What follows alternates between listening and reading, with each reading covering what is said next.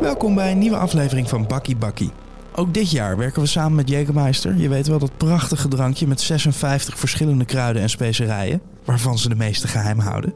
Als je daar nou een beetje gingerbeer bij doet, een paar ijsblokken en een schijfje limoen, dan heb je een Jaeger. En nou hebben wij gehoord dat dit de cocktail van 2022 gaat worden. We zijn in Amsterdam om met de Rotterdammer te praten. De eerste in de geschiedenis van deze podcast die zowel thuis als in de studio geen tafels als stoelen heeft. Mitchell Polderman. Het best bewaarde technogeheim van Nederland en ver daarbuiten. Ook al bekend als Stafkamp en ook al bekend als Stranger.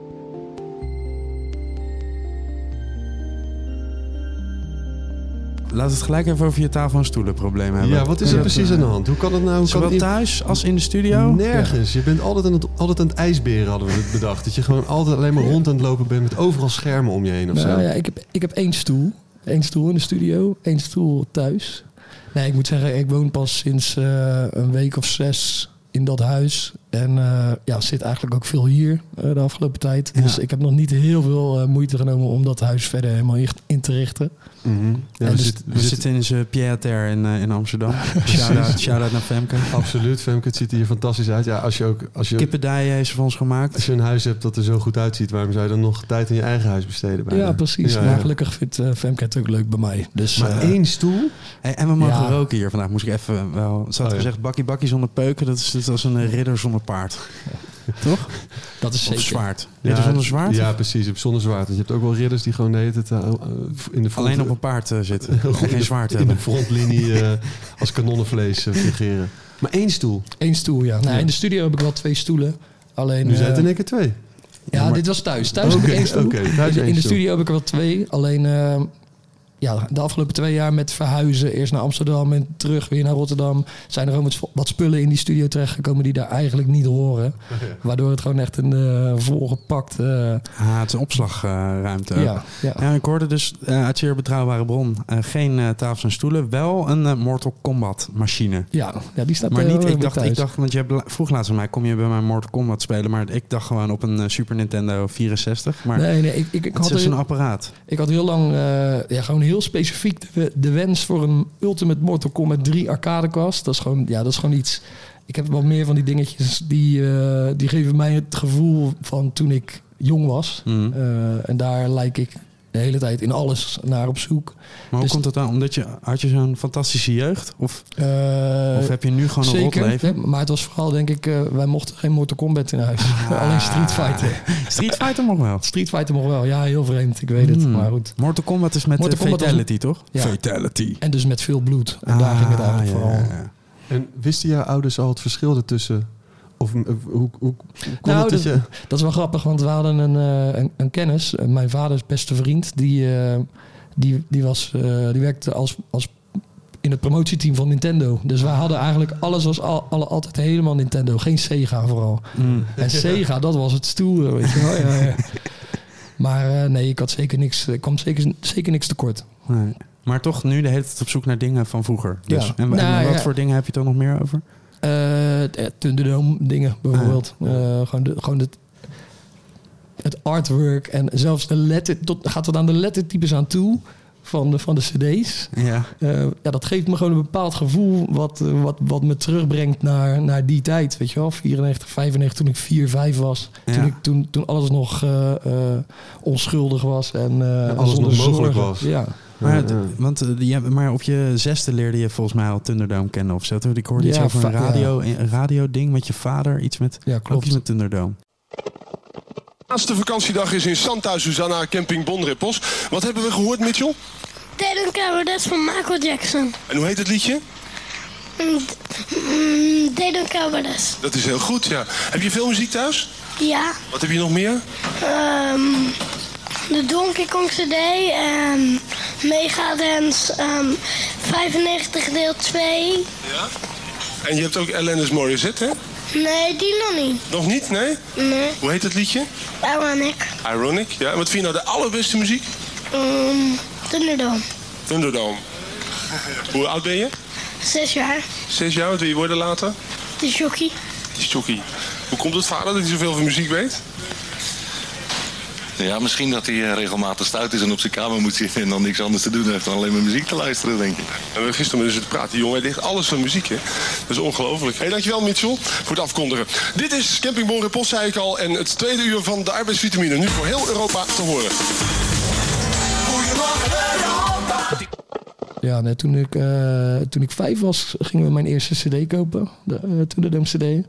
Toen je En- vijf was, kocht je een Thunderdome CD. Ja, ja, mijn vader, mijn vader, zeg maar. Dus ik had... eh, Geen, eh, geen eh, Mortal Kombat, wel Thunderdome op Ja. je vijfde. Oké. Ja, ja, dat is grappig, want eh, mijn vader ging een, eh een eh, Marillion CD kopen bij de Free Record Shop. En eh, daar had je toen nog die grote eh, arcade eh, CD-kasten. Arcade was zo'n eh, zo'n eh, compilatieboer. En eh Thunderdome was een van hun grootste compilaties destijds. En eh, toen stond eh, Thunderdome 8 stond, eh, echt zo vol in de display. Vijf stuk zo naast elkaar. met die clown. En ik, ik had geen idee wat het was. Maar die, die clown maakte zo'n indruk. Dus ik zei tegen mijn vader: van, nou, als, ik, als, ik, als ik later ook geld heb, dan ga ik, dan ga ik die CD kopen. Dus toen zei mijn vader: Ja, dan moet je sparen, jongen.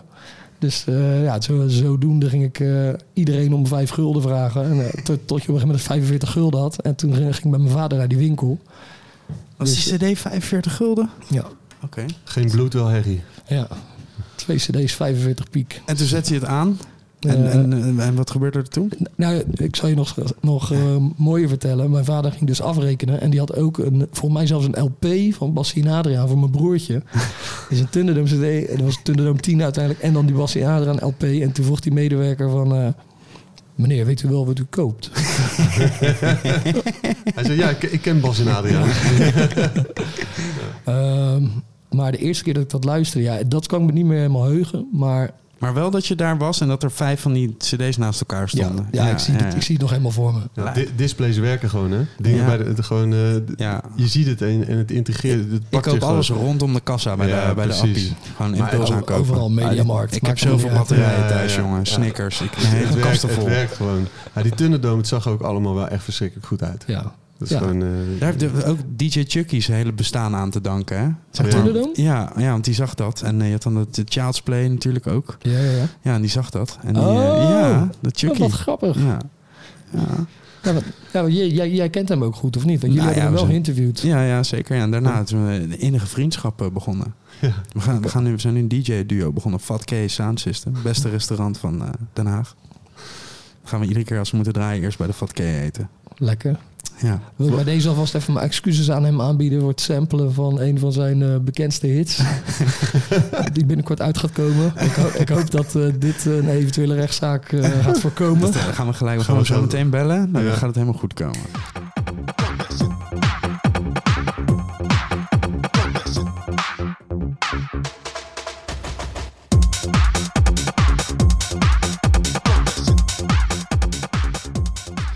Terug even naar die Thunderdome CD, toch? Nog of niet? Ja, zeker wel. Want eh, je kan je niet de eerste keer dat je hem aanzette heugde, heugen. Maar op een gegeven moment heeft het je toch eh, Ja. het, het lettertype, de, de clown. En trouwens, tussen het moment dat je het voor het eerst zag, was het CD8. Tegen de tijd dat je het geld had, was het alweer CD10. Was het CD10, ja. Ja, ja, ja. want, eh, die kwamen echt in een rap tempo achter elkaar uit. En eh, wat er eerder nog gebeurde was dat een, eh, een vriendje bij mij uit de buurt... die zei, dat, die mocht altijd cassettebandjes kopen van zijn van zijn van zijn ouders... in plaats van zakgeld. En toen had ik gezegd, ja, je moet even kijken naar zo'n cd met een, met een clown. Of misschien hebben ze dat ook wel op cassette. En toen kwam hij terug... na, na school eh, had hij bij Frederikje op een uh, Thunderdome 10 cassette gekocht. Dus eh, ja, hij dat voor mij kopiëren. En het ja, was, was, was helemaal, helemaal, ik vond het, ik vond het helemaal vet. Het paste ook bij, bij, bij wat ik voelde, want ik was, was eigenlijk heel druk destijds. Eh, hyperactief, eh, wel Toen- te verstaan. Toen, toen zeiden ze nog geen ADHD. Toen was nou, ja, ja, destijds zeiden ze tegen mijn ouders, want ik heb ook van die testen toen gedaan, dat Ja. dat, geen ADHD was. Oké. Eh, maar hy- hy- hypersensitief, weet ik, weet ik het allemaal wat. Hy- Hypersensitief. Ge- Geef hem anders een Thunderdome CD. Ja. Hyper- Ja, hyperactief, Mijn, mijn, mijn ouders die hebben mijn hardcore eh, cd's afgepakt... omdat zij ervan overtuigd waren dat ik daar heel Nog druk van werd. En toen zei mijn vader op een vakantie in Spanje... als je deze, deze vakantie he- heel de vakantie gehoorzaam bent... dan krijg je je cd's terug. Dus ik was, heel, ik was super blij. En toen de dag daarna heb ik een eh, ober met, met eh, drinken en al in het water geduwd. toen was dat gelijk van de baan, zeg maar. Toen kon ik gelijk, gelijk drie dagen in de tent eh bivakeren. We- eh, wacht even. Je bent op vakantie met je ouders, je zit gewoon rustig te eten. Je ziet in je ooghoek een een of andere gozer die er niet aanstaat. En je flikkert hem met Nee, water ja, in. ik, ik, de, de- één seizoen lang heb ik dat gewoon de, het hele seizoen gedaan. Dan mensen in het water duwen in, bij het zwembad. Ja, Eh, is eh, ook het allerleukste dat er is. ja, ja, maar ja. gewoon me- volstrekt onbekende mensen. Ja, ja, ja, met kleren aan. Ja. Ja. Ja, ik snap wel dat mijn ouders de- die hardcore eigenlijk liever niet zagen, zeg maar. Ja.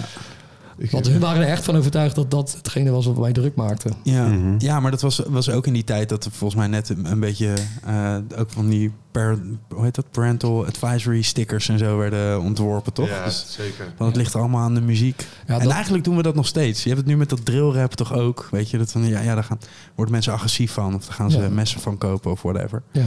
Nee, je brengt mensen natuurlijk wel in zekere zin op, op, op ideeën. En dan met muziek is misschien een. Ja, nou ja, trouwens, met, met hip-hop is natuurlijk een, eh, een. Kan ik me voorstellen dat mensen daar bepaalde ideeën of gedachten uithalen. omdat er tekst in zit. Maar hardcore Ja. zit meestal geen tekst in. Naast eh, fuck you motherfucker of weet ik Ja. veel wat. Maar goed. Dat Ja, gewoon dat is op- genoeg. op- Dat is gewoon genoeg. op- opbeurend bedoeld eigenlijk. Ja, ja. ja, voor ons wel. Ja, het is altijd eh, de, de eeuwenoude discussie. eh, zit het in het kind zelf of eh, komt het door invloeden van buitenaf? Ja. Nee, maar je had destijds natuurlijk ook eh, met, eh, met games. eh, ja, Ja, waren precies, ook controversiële games, zoals Carmageddon of zo, waar je, waarbij je Ja. mensen moest overrijden. Nou, dat kwam er bij ons echt niet in. Alles met bloed, zeg maar, dat kwam, Ja. dat kwam er niet in. Geen bloed wel, Harry. Ja, Ja. uiteindelijk wel. Maar en ben je dat toen nou gauw gaan uitdiepen? Die, die eh, De- liefde voor, voor Thunderdome en, en dat soort muziek? Of? Gelijk tot de, de eerste editie alles aanschaffen? Of bleef het bij 8 en 10? Nee, het was wel, het was wel eh, verzamelen ervan. Maar op een gegeven moment, eh, ik denk 98 of zo, 99, toen was de hardcore eigenlijk natuurlijk op sterven na dood. Hm. En eh, toen had ik één vriend, die woonde in Vlaardingen. Die- En we, stonden, we, hadden allebei een staakerven op een camping in Brielen. Oh ja. En eh, dan zag ik bijvoorbeeld eh, in Thunderdome 99 werd toen aangekondigd op tv. Er was een reclame en dan gelijk bellen, weet je wel. Van, eh, zo, ik zag dat eh Thunderdome 99, er komt een nieuwe Thunderdome uit. Zei hij, ja, die heb ik al, man. Kom, eh, kom even naar Brielen volgende, volgende weekend. Dan zal ik hem op, op tape zetten voor je. En eh, ja, vanuit daar, die periode, ja, was ook een beetje de opkomst van het internet. En mijn vader was eh, sowieso al vrij vroeg met, eh, met een eh, internetverbinding thuis. Dus, eh, en dan, ja, de eerste keer dat ik met mijn vader op internet mocht, was het eerst thunderdome.com en dan hardcore.com. En toen was het weer van, oké, ja, doe, doe maar eventjes niet meer, zeg maar. En, eh, Want toen maar- was je negen of zo? negen, Ja, ja. ja. En toen, eh, van- van- vanaf die tijd was ik, was ik er wel echt heel erg mee bezig. Dus op internet eh, eh, dingen zoeken over artiesten. eh, en dan erachter komen dat die artiesten ook bijnamen hebben. En dan dat allemaal downloaden. Destijds nog op Napster. ja, ja, ja. Eh, Op je negende, dat is wel sick 9 vroeg, à man. 10 jaar, zoiets. Lijp. En toen eh, op mijn tiende verhuisde ik naar Zeeland. En Want toen, waar, waar, waar groeide je op? eh, ik groeide, groeide op in Hoogvliet. dat is een deelgemeente van Rotterdam. En, En een supermarkt? en een supermarkt is het ook, ja. Shout-out. Shout-out Hoogvliet Supermarkt. Bestaat dat nog? Ja, volgens mij wel. Was er laatst. In, ja, maar niet overal heb je dat. Maar op sommige plekken is het er ineens. Ja, in, Ho- in Hoogvliet hadden we dat niet, moet ik zeggen. Alleen in dorpen met veel connoisseurs. Nee, daarnaast heb ik vijf jaar in, eh in Bruinisse gewoond, in Zeeland. Ja. Op mijn tiende zijn we daar naartoe verhuisd. En eh, ja, in Zeeland, buiten het feit dat je gewoon niet veel hebt... het is daar ook gewoon best wel een, eh, een soort van kliekje. Ja. Natuurlijk, iedereen kent elkaar. Als je daar als buitenstaander bij komt... eh, Gabber, komt de Gabber uit, uit Rotterdam? ja, nou, dat moeten ze niet hebben. Eh, dus toen, toen dat ik best wel in een, eh, in een isolement, veel op, de, op internet, gewoon eh, met, met, met hardcore bezig. Dus voor, ik zat op veel fora en weet ik het allemaal wat. Gewoon de, de hele tijd mee te discussiëren alsof ik ook 18 plus was. En, eh, en was er toen ook al een soort van spark dat je dacht, ik wil, ik wil hier ook iets mee, ik wil muziek maken of ik wil ook draaien of ik wil een keer op Thunderdome staan of dat soort dingen? Ehm, nou ja, ik wilde wel. Ik heb dus op mijn zesde gezegd dat ik discjockey wilde worden. Maar ja, het, het heeft tot mijn veertiende geduurd voordat ik eigenlijk echt wist wat dat, eh, wat dat inhield. Hmm. Ehm, maar die, diezelfde kennis als die bij Nintendo werkte, die had een drive-in show. En die, hij had altijd de nieuwste muziek. Dus, eh, dus, dus ik, ik vroeg hun vaak ook om, om bandjes, hij, en zijn vrouw. En dat deden ze, deden ze voor mij de nieuwe maand-cd bijvoorbeeld. eh, van de illegale maand-cd's deden ze dan eh, op, Ja, op, cassette, op cassette zetten. Maar dat was dan gewoon top 40 of? Ja, ja. En dat vond je ook leuk? Ja, nou, Zo'n brede smaak heb je. Ja. Mitchell. Het is popmuziek toch? Dat is niet voor niets po- populair. Ja. Eh, nee, ja, toen, toen nog wel. Toen was ik, ik was gewoon, gewoon heel erg geïnteresseerd in muziek die mij, eh, Gretig, die gewoon mij alles. pakte, Ja. Ja, ja. Lekker ook die cassettebandjes, hè? Dat, Ja. gewoon, dat kopiëren van die bandjes. eh, Ja. Dat blijft toch een, eh, een, een, een, fantastisch fenomeen. Ja, zeker. En wat is dan En, je, je favoriete Thunderdome tune als je één moet kiezen van al die, van al die cd's? eh, ik denk eh, de, de Prophet met Dominating. Thunderdome 2. Ja, Ja, dat, eh, classic. dat vond ik wel een hele vette. En ehm, normaal gesproken is het iets wat we helemaal of vergeten of aan het einde van de show. Maar in, in één keer voelt het nu het goede moment om te vragen... eh, als je voor iemand eh, lekker wil koken, wat maak je dan eh, voor diegene? Ja, een theetje.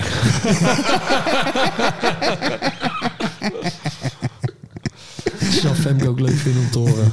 Top. En een, een wolkje melk erin? Of eh, lekker, lekker dat zakje helemaal lekker erin laten hangen tot het helemaal bitter wordt? eh, Eh, nee, nee, ja, ik, ik haal er eigenlijk het zakje eigenlijk wel snel uit altijd. Maar je doet wel maar- suiker erin, toch? Ja. Nee, nee, nee. Nee? nee? nee, Ik, ik, Ik hoor dat je, jij walgt van, eh, van Cola Zero.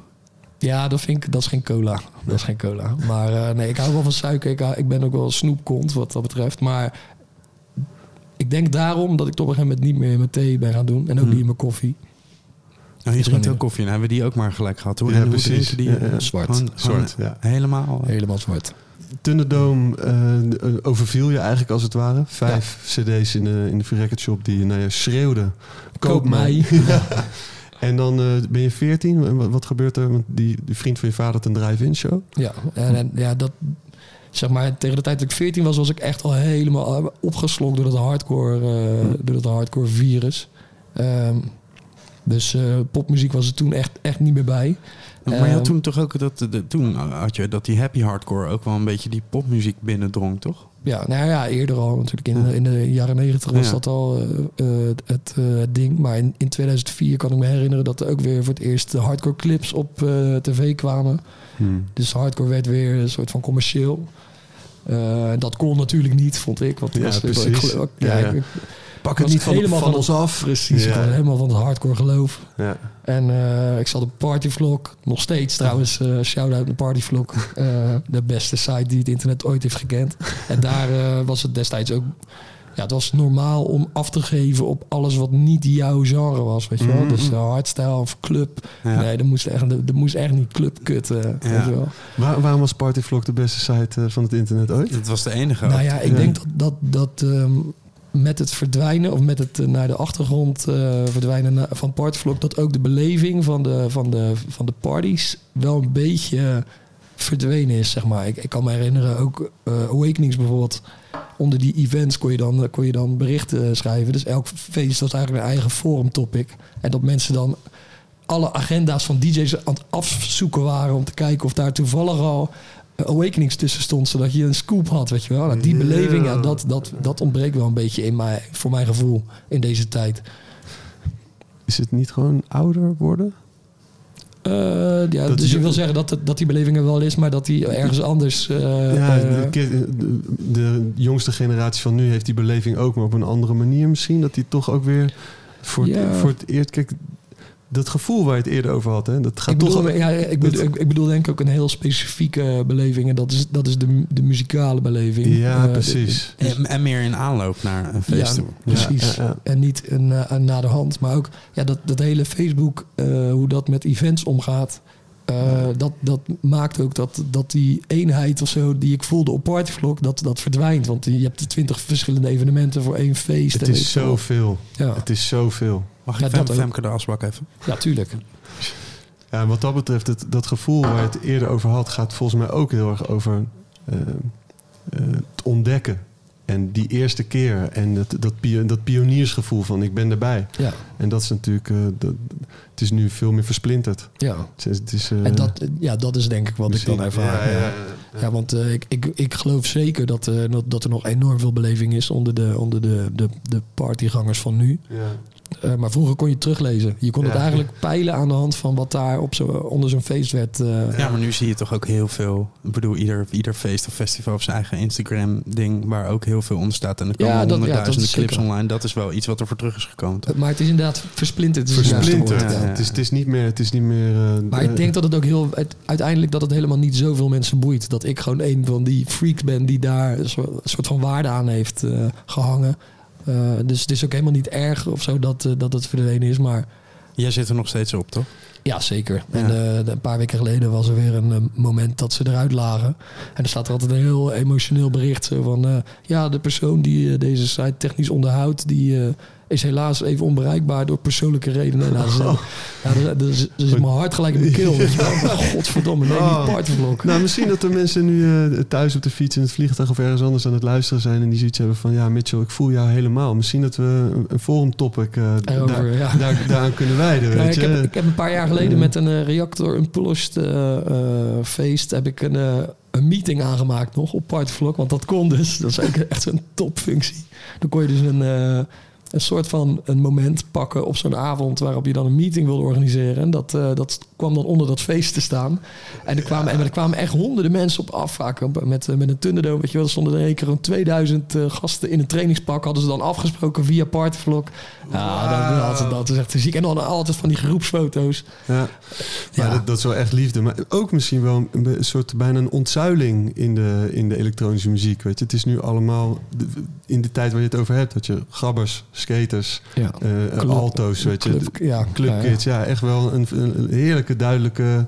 Ja. eh, je kon aan een, aan een t-shirt, bij wijze van spreken, kon je het al zien. Zien, en, ja. en nu is het... eh, Ja, ik, ik vind het dat het. ik vind wel vandaag de dag vind ik het leuker. Zeg maar, Hmm. alles, alles ligt wel open. Mensen staan open voor, voor goede muziek in plaats van dat het per se Dat moet binnen, zijn. de, binnen Ja, de kaders ja. moet passen van iemand. Ja. En dat vind ik wel een hele interessante ontwikkeling. Toch hoop ik dat er iemand nu thuis zit en die eh, bij de volgende Stranger Show een meeting organiseert. Gewoon, ja, op Partyvlog. links gewoon op Partyvlog, gewoon links voor. Ik ben erbij. Ik Ja. ben erbij. Sowieso. En op welk moment had je dan eh, het idee van... nou, misschien moet ik gaan draaien of, of muziek gaan maken? Nou, ik, ik verzamelde sowieso al mondjesmaat platen vanaf eh, 2000. Dus toen was ik tien. Ehm, en in die tijd eh, had je dus Napster. Dat was een eh, programma om eh, muziek mee te kunnen downloaden. En dat, ehm, ja, dat was, was destijds toch ook redelijk controversieel. Artiesten en platenmaatschappijen wilden niet dat hun muziek daar gewoon maar gratis Daar te- begon het, hè? ter Ja. download werd, beschikbaar werd gesteld. Dus op een gegeven moment was dat afgelopen. En toen ging ik op zoek naar andere manieren om, om eh, eh, mp3's te downloaden. En eh, had- LimeWire. nou, dat was, nou, dat was er toen nog niet. Zeg maar, de, de- Pirate, Pirate Bay, of wat is het? dat was er ook nog niet. Ook nog niet. Nee. Soulseek. Je had, je had ook, ook nog niet. Je had destijds had je, wat was het, Audio Galaxy of zo. En, dat, en daarna was het eerste wat, eh, wat ik me kan heuren was Casa. Oh ja. Ah. Eh, maar, maar er was een hele periode, had je niet echt van die filesharing pro programma's. Dus eh, ja, ik was gewoon aan het, aan het googelen de hele dag, weet je wel. En, en proberen andere termen te verzinnen. MP3 320. Ja, nou, dan, ja, 320, daar dacht ik toen nog, nog helemaal niet aan. Ik was mijn eigen cd's aan het rippen op 128. Ik was zo van, eh, ja, dat is lekker klein. Dus, Als, het, als het gewoon op, op het internet niet lukte, dan ging je gewoon je eigen cd's rippen. ja, nee, gewoon- en, dan, en dan uitwisselen met mensen of zo via nieuwsgroepen of whatever. Ja, maar ja. ik kwam op deze manier ook eh, op een website terecht. Ehm, en die website de, stelde dan nummers ter beschikking van artiesten die ik allemaal niet kon. Eh, en, en er zat dan een raar bestand in.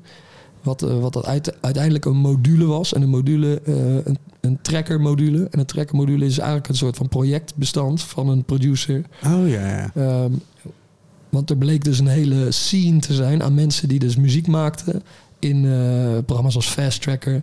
En, eh, en die deelden dan die projectbestanden. En dat kon je dus openen. En dan kon je gewoon precies zien wat die producer gedaan had. Zeg maar, je zag gewoon het hele arrangement. Je, zag- je kon de samples eruit eh, rippen. Dus dat, ja, en toen was, ik, toen was ik helemaal opgeslokt daardoor. Ja. En eh, ja, ging ik ook zelf dingen proberen te maken. Maar ik kon toen nog niet goed Engels. Dus eh, manuals lezen of zo, dat was er nog niet bij. Dus het heeft ook heel lang geduurd voordat ik, dat, voordat ik door had. Hoe het aan moest. Hoe ik zelf een noot aan kon slaan in dat programma. Maar eh, ja, gaandeweg leer je dan toch, leer je toch dingen. En eh, ja, dat heb ik wel denk ik een jaar vier, vijf gedaan. En dan proberen eh, zo'n tracker group op te zetten, weet je wel. Ja, gewoon, gewoon de hele tijd bezig met... eh, Wat, wat voor? een tracker group. Ja, dat is dus die, die, die, die software waar, waar ik dus mee werkte. Dat, dat waren tracker, tra- dat waren tracker eh, programma's. Zo noemden ze dat dan. En dat had er volgens mij iets mee te maken dat je hebt een tekstveld van nou, meestal 64 stappen.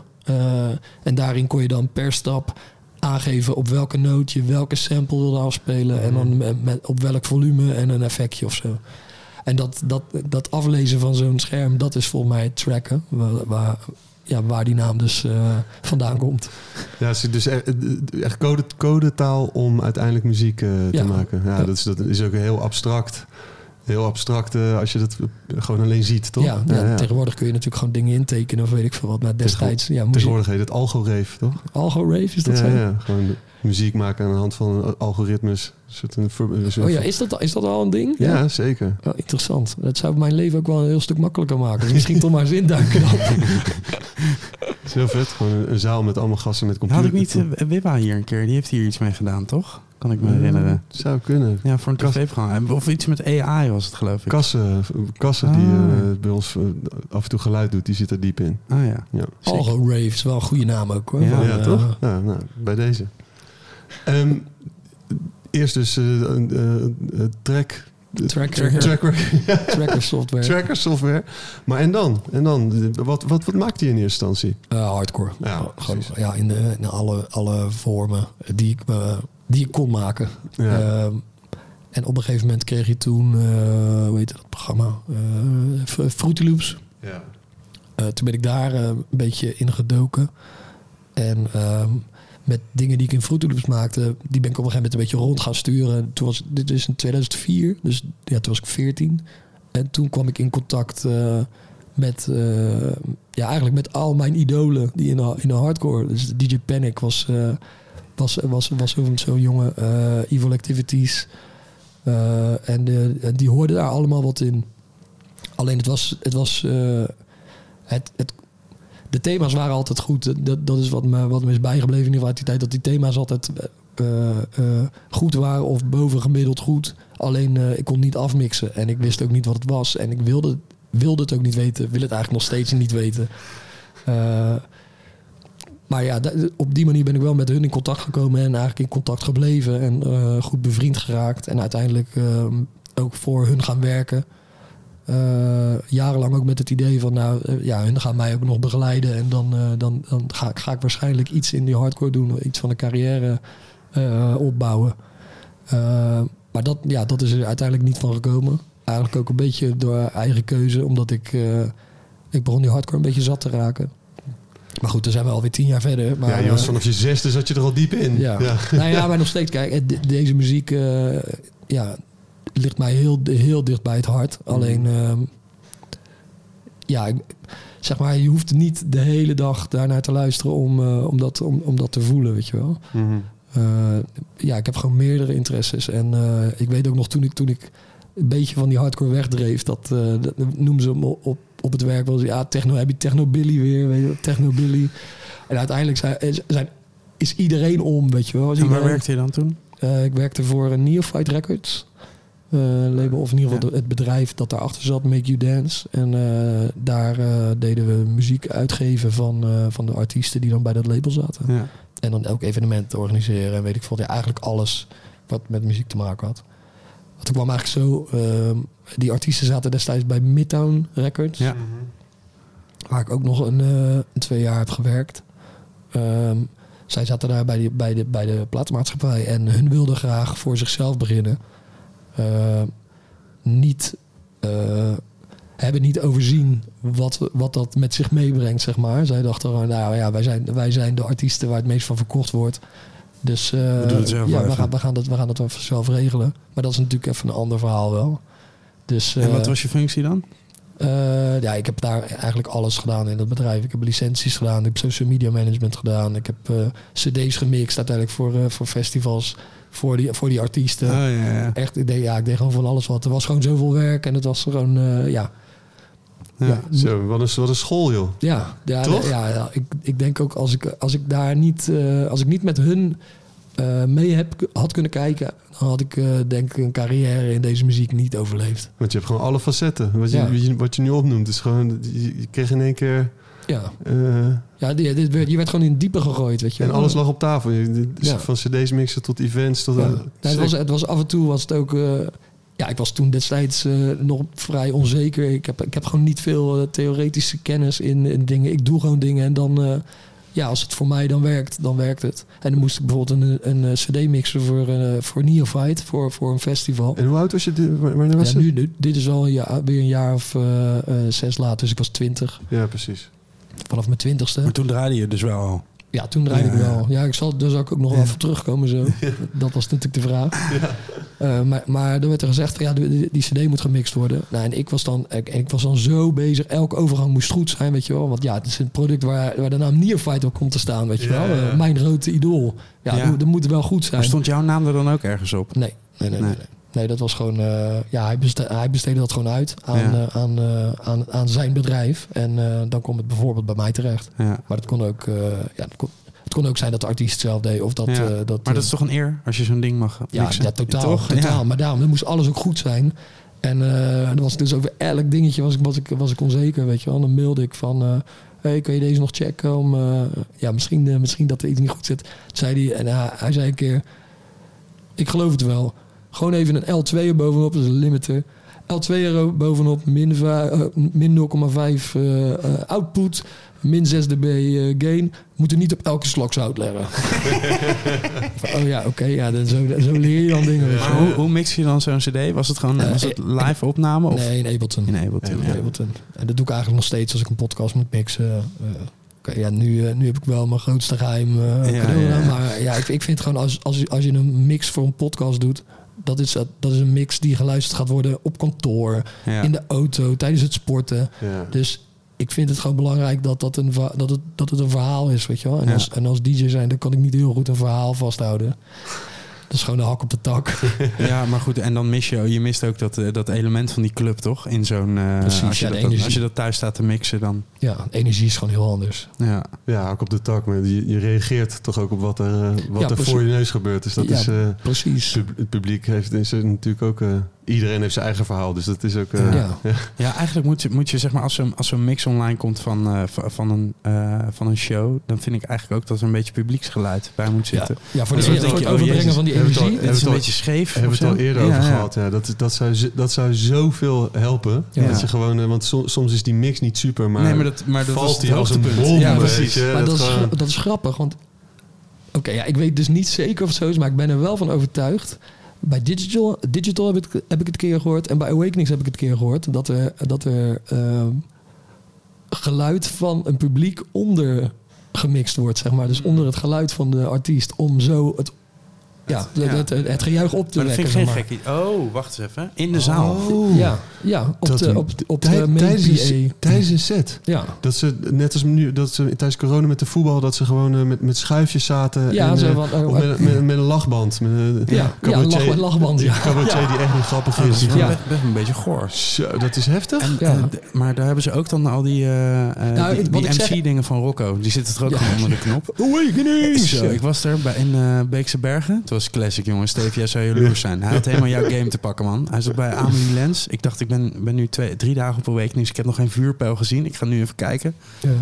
Amelie Lens en eh, Rocco stond erbij en was gewoon... eh, She's here! And her aunt too! And her husband is here Ja, maar ja, also! Ik, vind, ik moet eerlijk het zeggen, was zo vet. ik, ik vind het, hoort, het hoort wel bij Awakening zoals ik het ooit eh, Het was heerlijk. ge- gevo- gevonden heb. Zeg maar. En toen had iedereen ook al wat over, over zijn, zijn MC-werk te zeggen. Maar het is zijn feest, weet je wel. Eh, eh, Ja. het hoort er gewoon bij. Ik vind het, dit, Zeker. wat bijna een soort van mascotte was het voor, Eh, voor, niet voor bijna, het is. Ik ben Ja. een stukje met hem, met hem meegevaren. Hij had dus een speedboot.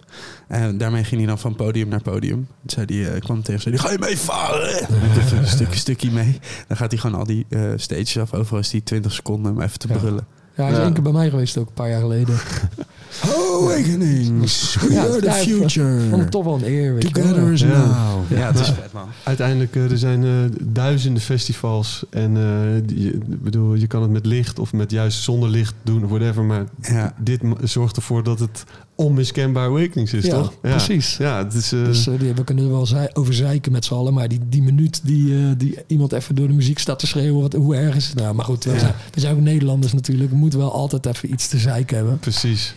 En wat dat betreft, jouw eerste DJ-set. Mijn eerste DJ-set. Als we het toch over zeiken ja. hebben. Was je kritisch? ja en nee. Het was grappig, want ik draaide eigenlijk nog niet. En Hmm. eh, ik maakte dus wel muziek. De- Ik was 14 of 15. En dit is in Zeeland? Eh, nee, toen was ik terug in Rotterdam. Terug in Rotterdam. Terug- Dus ik was vijf, ja, 15, 15 jaar. En eh, ik maakte muziek, maar ik, maakte, ik draaide niet. Of niet echt. En een vriend van mij die maakte geen muziek, maar die draaide in de Hollywood Music Hall. Was eh, resident. Toptentje. Ja, absoluut. Echt zo'n lekker zalencentrum was dat, hè? Ja. Heerlijk. Zoals je ze destijds wel vaker zag. En Ja. inmiddels niet, niet echt meer. Die megadisco's. Ga even naar de o- in, het oosten, in het oosten van het land nog wel hoor. Ja. Ja? Ja. Ja, zak, zak misschien in, eh, net over de grens. Of time-out. In, Nee, je eh, hebt het gewoon, eh, als, je een beetje, als je een beetje afdaalt hier in Nederland, heb je dat ook nog wel, hoor. Ja. Zaaltakens. Shout-out. Nou, in ieder geval, eh, wij, wij zaten dus een keer muziek te maken. En eh, toen werd hij eh, gebeld door zijn draaipartner voor die avond. Het was op een donderdagavond. Dat hij ziek was. En toen vroeg die vriend van mij dus van... Hé, hey, wil jij anders meedraaien? Dus ik zeg, ja, ik, ja, ik, ik ben wel, wel af en toe aan het oefenen... maar ik, heb, ik heb geen draaitafels thuis. Ik weet, ik, kan het gewoon nog niet. En hij zei, ah, joh, maakt niet uit. Kom, kom gewoon mee.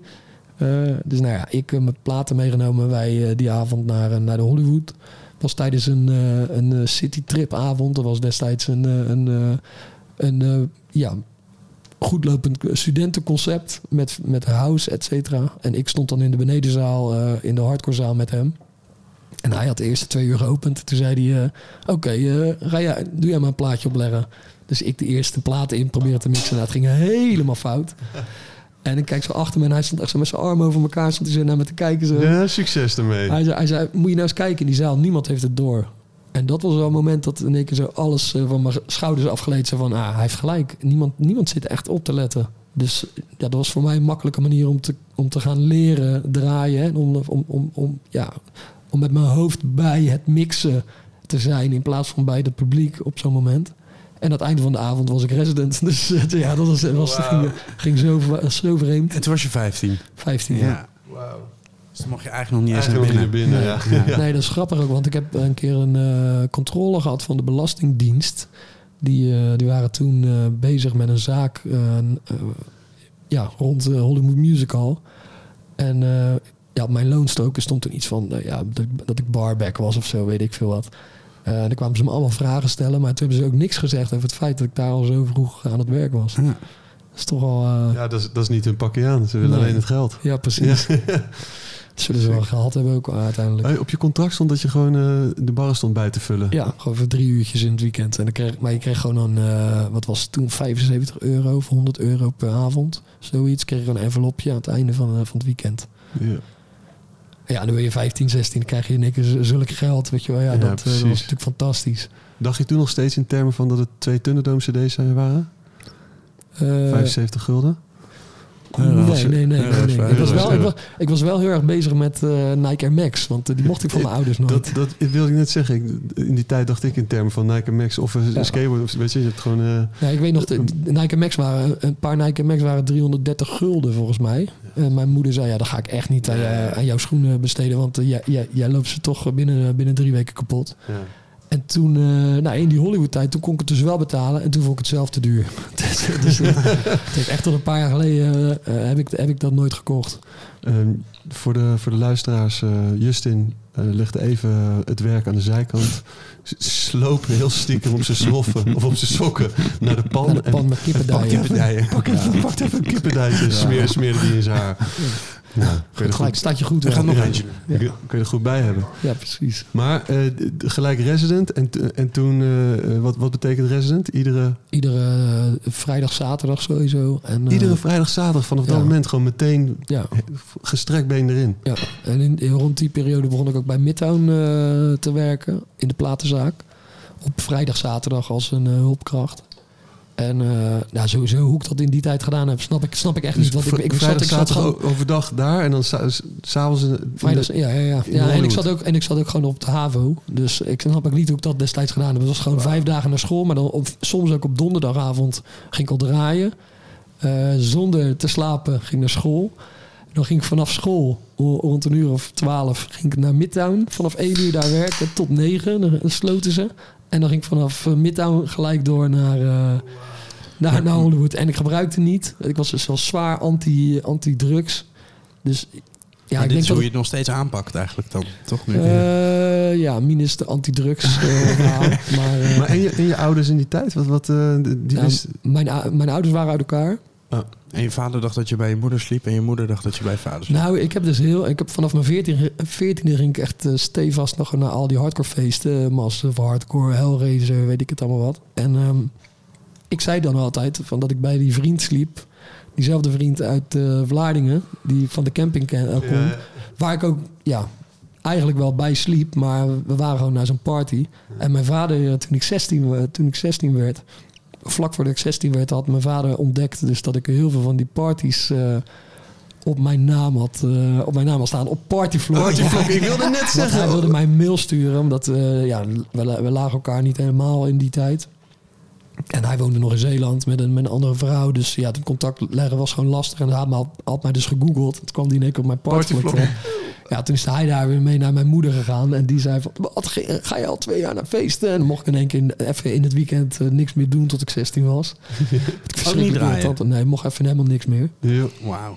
En op Partyvlog hield je, hield je natuurlijk juist allemaal heel goed bij. Ja, dus het was ja, helemaal ja, precies een overzicht. Echt tot, ik denk tot een jaar of drie geleden was daar, was daar echt vol, vol, vol uh, Die moeten zich zijn geschrokken, toch? Ja. Ja, want ik had voor mij toen al een, een feest of 60 of zo. Uh, Ja, precies. Maar was je ook het, het slecht aan doen op school? Za- Zagen, konden ze dat? Want als je gewoon je, je, je shit wel regelt, dan maakt het ook weer niet zoveel uit, toch? Misschien. Nee, nou ja, ik was, uh, nee, ik was niet per se heel goed aan het doen op school, maar ook niet per se heel slecht. Alleen, uh, ja, ik was gewoon te arrogant. Ik heb ooit uh, in de brugklas een 10 gehaald voor wiskunde. En dat heeft mij het idee gegeven dat ik wiskunde master was. en vanaf dat moment heb ik denk vijf jaar lang geen voldoende meer gehaald. Weet je wel? Iets te eigenwijs, iets te veel in jezelf geloven. Ja. maar ik ben, even kijken... Ik heb de HAVO in zes jaar gedaan. Waarvan één jaar heb ik twee keer gedaan omdat ik dan terug naar Rotterdam. Uh, nou, volgens mij, uh, volgens mij deed ik het gewoon prima. Ik was ook niet iemand die heel vaak... Uh, mijn ouders werden niet gebeld, zeg maar, door, door school. Mm. Ik, was gewoon, ik probeerde eigenlijk zoveel mogelijk overal tussen te blenden en niet op te vallen destijds. Dus ik droeg ook dat destijds niet echt hardcore kleding meer. Je was een beetje een stranger. Ja, een beetje wel. wanneer, wanneer kwam die naam dan? Ja, dat weet ik dus niet meer precies. Hoe dat, stond je als eerste in eerste instantie op de flyer? Uh, Riedrum of Redrum, dat verschilde per week. Zeg maar. Maar uh, uh, had ik uit The Shining, uit de film The Shining gehaald. En daar draaide ik, onder die naam draaide ik Early Rave. Wat was er in The Shining dan met Redrum? Ja, dan, er, is een, er, is een scène, er is een scène dan dan ziet, uh, ja, ik weet even niet meer hoe dat ventje heet, maar die ziet in een spiegel, ziet hij dus uh, dat er op een deur murder staat geschreven. En dan kijkt hij naar die deur en dan staat er red room. En toen dacht ik, ah, dat is vet, dat is vet, dat gaan we gebruiken. ja, dus zodoende. Maar met Stranger weet ik eigenlijk niet meer. Het was nog wel, het is echt ver voor de techno dat ik dacht van, hey, dat is eigenlijk wel gewoon een hele vette naam. Het is, het is uh, simpel, maar doeltreffend. Mm -hmm. en met naam is het natuurlijk vaak dat, dat je echt gaat zoeken naar, oké, okay, ja, wat, wat uh, past nou bij mij, weet ik veel wat. En dan krijg je van die hele, van die hele foute, zelfgefabriceerde woorden die, uh, die met een woordenboek erbij zijn bedacht.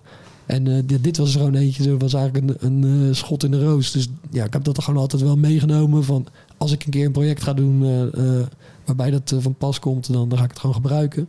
En toen met de techno, ja, was eigenlijk... maar er is dus ook een andere DJ Stranger. Ja, dus er zijn er wel meer volgens mij, ja. Ik heb één hele goede gezien. Die zag eruit als een... Uh... Nee, ik heb mijn advocaten daarop gezet. Ook, maar, uh, Precies, dat is maar één echte. Maar één echte streep. Alsof het zeg maar het vierde lid van de drie J's was. Ja. Colbertje uh, en een wit veehalsje had hij aan. Ja, het, zag er, hij zag er goed uit. Het was super. Nee, maar wat jij nu zegt, want er is er maar één echte. Er was dus laatst een... een line-up bekendgemaakt voor Free Rotation in Engeland. En toen kreeg ik in één keer van, uh, van Jochem uh, Speedy J kreeg een bericht. Yo, sta jij op Free Rotation dit jaar? Dus ik in die line-up kijken en ik zie Stranger staan. Maar mijn boeker komt uit, uit Engeland. Dus ik dacht, nou ja, het zou zomaar kunnen. Dus ik stuur hem een bericht. Toen had hij dus ook, hij had dat ook al gezien. Hij had daar al achteraan gemaild. En die gast die dus zichzelf Stranger noemde, was iemand van de organisatie. En die heeft zijn naam uiteindelijk veranderd naar The Stranger.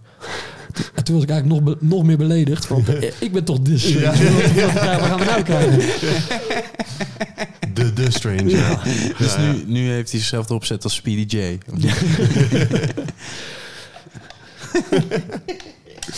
Je zit met Speedy J in de studio ook, toch? Tenminste, in hetzelfde ja, gebouw. Ja, ja, ja, ik huur een ruimte van hem. Mm. Vette plek is het daar, man, die kelder. Ja, dat is fantastisch. Ja, dat is... Het is ook dat, dat verhaal erachter dat hij daar dan is wezen inbreken voordat hij daar eh, terecht kwam. Ja. Ja, dat vind ik, vind ik, echt, vind ik echt hard. En ik kan me best wel voorstellen dat, dat Jochem als buurman... Dat je, je, je kan ze slechter treffen. Ja, zeker. Ja, vooral, ja, hij laat je gewoon met rust. Al moet ik wel zeggen, hij heeft dus ook twee keer eh, heeft hij dus, eh, achter me gestaan. Heeft hij staan schreeuwen terwijl ik aan het draaien was. Ik heb zo'n draaihoek. Dat hij ineens iets nodig had. En dat is echt niks voor, eh, voor Jochem, zeg maar. Die, hij, hij laat je echt gewoon eh, je ding doen. Uh, Hij stoort niet zomaar. Maar toen stond hij dus twee keer achter me. Stond hij echt een kwartier te schreeuwen. Dat ik op een gegeven moment, dat ik, dus hoor me helemaal de tyfus schrok. Dus zei, ja, ja, nee, ik wou even vragen. even eh, een kabeltje. Even moet ik een- het rolluik dicht doen of niet? Godverdomme. Ja, hij stoort niet. maar stoort dat is- niet, maar ze weten het wel, Ze ja. het wel, ja. Ja, maar ook fa- fantastisch concept. Ik bedoel, eh, dat, dat is echt zo'n eh, dat store project. Dat, dat, dat kost alleen maar geld. Dat moet je echt willen. weet Ja, je dat wel. daar Dus persen en... eh, Ja, Ja. Dat, dat is, er zit zoveel tijd en passie en geld in. snijden was het. Dat is Snijden, Ja, persen, te snijden. ja, Ja, ja, ja. dat is belangrijk Ja, detail ja, wel. ja. Ja, Ja, zeker. absoluut. Pers is eh, een heel ander procedé. Precies. Ja, ja. Maar eh, ja, dat, ja, dat, dat hij dat doet, ja, dat, eh, ja, ik vind dat vet. Als iemand echt iets doet vanuit het hart, ondanks dat het, eh, dat het eventueel geen geld gaat opleveren. Ja. Ja. Dat, is, dat, is, eh, ja, dat is ook waar ik het voor doe, weet je wel. Ja, ik heb nu het geluk dat het goed gaat. Mhm. Maar eh, ja, ik heb ook altijd al mijn geld eh, uitgegeven aan dingen om ja, met, met die, eh, die muziekmaakprikkel bezig te zijn. Ja. ja, bij hem was het ook echt zo dat hij elke keer op zoek was naar weer het volgende of zo. Om Ja. het nog meer DIY, DIY te krijgen. Ja, Ja. precies. ja, en dit is gewoon eh, alles, alles in één. Ja, het is gewoon een, kunst- het is gewoon een kunstproject. Echt een eigen beheer, gewoon alles in eigen beheer. Ja. Na, eh na Redrum of Redrum, Ja. eh, wat, wat was een soort volgende stap die je daarin maakte? Werd je geboekt op andere events? Of, eh, nee, ik draaide, ik draaide dus early rave en old school. Dus Mhm. de begintijd van de house. En eh, ja, daar werd ik natuurlijk niet heel serieus in genomen. Ik bedoel, ik, ben, eh, ik was 16, 17, 18 jaar. Kom je muziek draaien uit de jaren 90. Van toen je zelf nog, eh, nog niet eens een tiener was. Ehm, dus het heeft, het heeft ook... Ja, het, was, het kostte veel moeite om daarin een soort Mhm. van een, een plekje te veroveren. Terwijl als ik, als ik terugkijk ik juist wel iemand was waar, die, die, die de andere shit draaide. En er waren maar een aantal artiesten uit de jaren 90 die nog steeds bezig waren met het, ja, het, het door de platen gaan en eh, kijken wat er nog meer was. En een daarvan was dan eh, DJ Panic. Met wie ik, eh, bij wie ik het geluk had dat hij, dat hij me vaak op sleeptouw nam. En dat ik dus kon zien wat, wat er allemaal kwam kijken bij zo'n gig. hmm. En hij supportte me destijds ook een paar keer op back-to-school feesten gestaan en, en dat soort dingen. Was het- wat is iets van hem wat je, wat je nu graag zou willen draaien?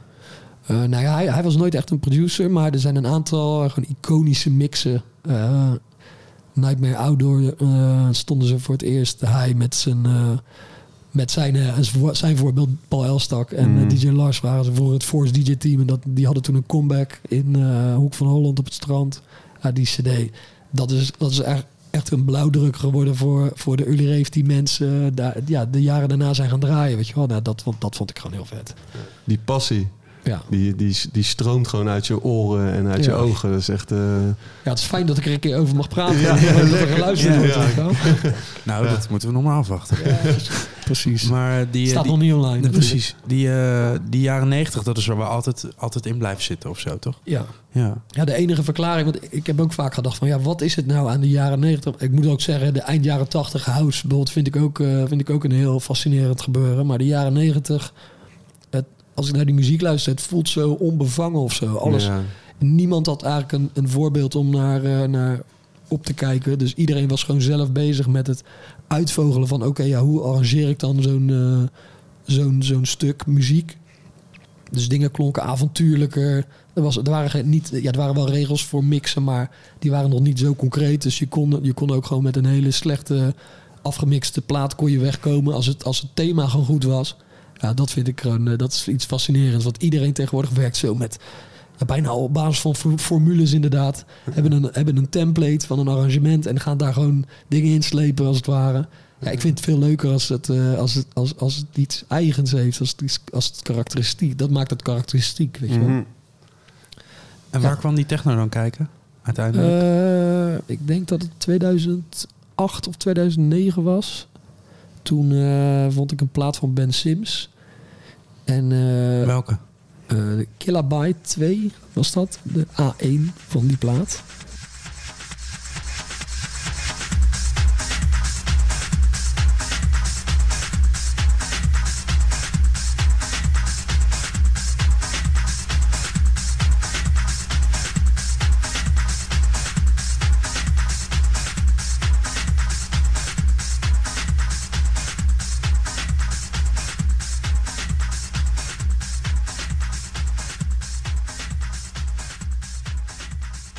Toen dacht ik van, ah, zo, dit, dit, klinkt, eh, dit klinkt bijna als oldschool. Alleen dan wat, wat sexier of zo, wat groovier.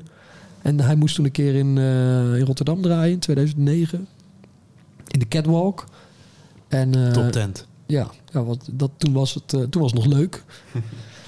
en ehm, ja, dat was echt de avond van mijn leven. Want ik ging dus, ik ging dus al vijf jaar naar hardcore feesten. Maar ik, ik stond daar en iedereen was gezellig. Iedereen was aardig. Iedereen was lief. Het was eigenlijk echt zo die love, peace, happiness vibe. Zo voelde het voor mij in ieder geval. Waar iedereen het dan over had uit de begintijd. En eh, ja, dat eh, stond ik in één keer op, op zo'n op zo'n eh, ophoging te dansen gewoon de hele avond, weet je wel. ja, dat was echt... eh, Daar was ik graag bij geweest. ja, nou, had je heel leuk gevonden.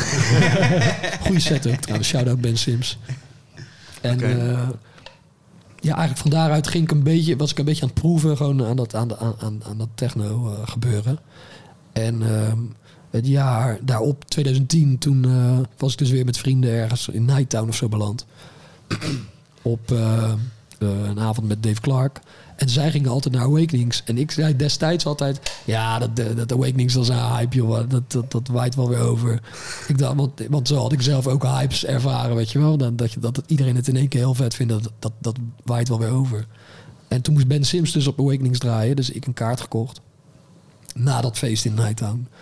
En ehm, ja, dat, dat, was echt een ander kaliber feest gewoon. Dat was, was zo anders dan ook, ook de meest... eh, De meest eh, ehm, de hardcore feesten met de meeste productie kwamen niet in de buurt van wat, eh, wat daar gebeurde. En, eh, en, dan, en dan de eenheid die dan heerste in het publiek. Ja, ik was, wat, daar- toen was ik wel echt gelijk verkocht. En toen was dat wel een ding. eh, ja, toen, dat was een beetje mijn. eh, begon mijn afscheid richting de hardcore. Begon wel een beetje de- toen de tijd. En eh, ging je toen ook gelijk het proberen te produceren? Gelijk vertalen naar je eigen werk? Nee, dat heeft best nog wel lang geduurd. Zeg maar, ik werkte nog tot 2004. Dus gewoon wat langzamer zetten alleen, toch? Ja, nee, ik vind het wel veel meer dan dat, zeg maar. Ehm, maar ik vond het sowieso heel lastig om dingen te maken die anders waren dan eh, hardcore. Omdat, omdat het, het voelde dan alsof je, alsof je iets pretentieus aan het maken bent. Zeker als je naar een bepaald eh, genre toe gaat werken of stijl, hoe je het wilt noemen. Eh, dus ik, ja, ik, was, ik was altijd dit soort dingen ook veel te veel aan het overdenken, weet je wel. Dus het heeft echt nog wel een tijd geduurd. Ik heb nog tot 2014 bij, dit- dat, bij dat bedrijf gewerkt, eh, eh, achter Nearfight Records. En toen eh, wilde ik eigenlijk helemaal uit de muziek. Omdat ik het idee had dat dat een, een giftig eh, environment was, zeg Waarom? maar. Nou ja, ik kreeg een burn-out ergens, ergens gaande, gaandeweg. Gebruikte heel veel drugs. tot een punt dat, dat het gewoon niet meer... ja, het was gewoon niet meer te... was niet meer mee te werken. Dus ik ben daar toen... Wat, dat jij niet je werk kon doen? Of dat je collega's niet met jou konden werken? Eh, beide denk ik wel. Hmm. Beide. Dus ik ben op een gegeven moment... eh, nou, ik gebruikte destijds gewoon veel speed en dan ook nog downers erbij. Ja, ja. Dus op een gegeven moment, ik moest daar gewoon helemaal vanaf. Dus ik ben gestopt. Toen ben ik weer teruggekomen gekomen bij het bedrijf. Heb ik daar nog een jaar gewerkt. Maar op een gegeven moment, ja, ik voelde gewoon... Ja, de, verleiding, de verleidingen liggen natuurlijk op de loer. Maar ja, iedereen was ook denk ik wel ongelukkig destijds in dat bedrijf. Iedereen had te veel werk. eh, niemand wist eigenlijk precies wat, eh, ja, wat, wa- wa- waar de problemen lagen. Dus eh, ik had bedacht, ik, misschien moet ik gewoon een baan in de haven gaan zoeken. En En ben je dat gaan doen? wel gaan zoeken. En, Niet gevonden. ik, ik, als kind wilde ik altijd metrobestuurder worden. Dus ik heb zelfs nog een, een, een sollicitatie gedaan bij de RT. Alleen dat was Zo, eh, de dat- ma de, de- ik werd uitgenodigd voor een introductiedag, maar dat was de maandag na Awakenings Festival. Dus eh, yeah. dat is hem toen niet geworden. Zo, maar dat had even, allemaal even heel, Heel anders anders kunnen lopen. ja, anders. Maar Ja. maar toen, toen, toen ging ik dus eh, uit het niks begon ik weer eh, te experimenteren met muziek. Was ik in één keer heel erg hip-hop beats aan het maken. En eh, van daaruit begon ik een beetje techno dingen te proberen. En toen vond ik ineens de, de lol gewoon weer helemaal terug in, in het muziek maken. Want ik had jarenlang zo geprobeerd naar iets te werken wat van mij verwacht wordt. In plaats van dat je dingen gaat maken vanuit je ziel, zeg maar, vanuit je instinct. Want waren er wel van die hardcore dingen uitgekomen? Eh, jou? ja, er is wel een, dus, track is op een, eh, een plaat verschenen. Ik heb een, eh, een, eh, jump, een jump plaat gemaakt ook nog destijds. Een jumpplaat, wauw.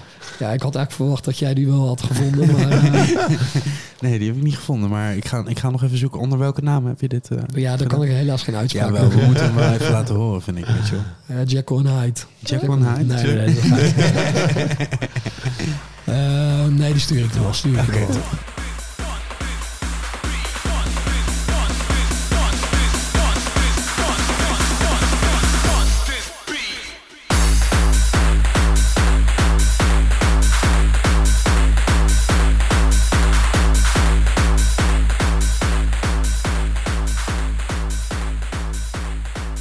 Er nog wel een beetje gejumpstyled eigenlijk?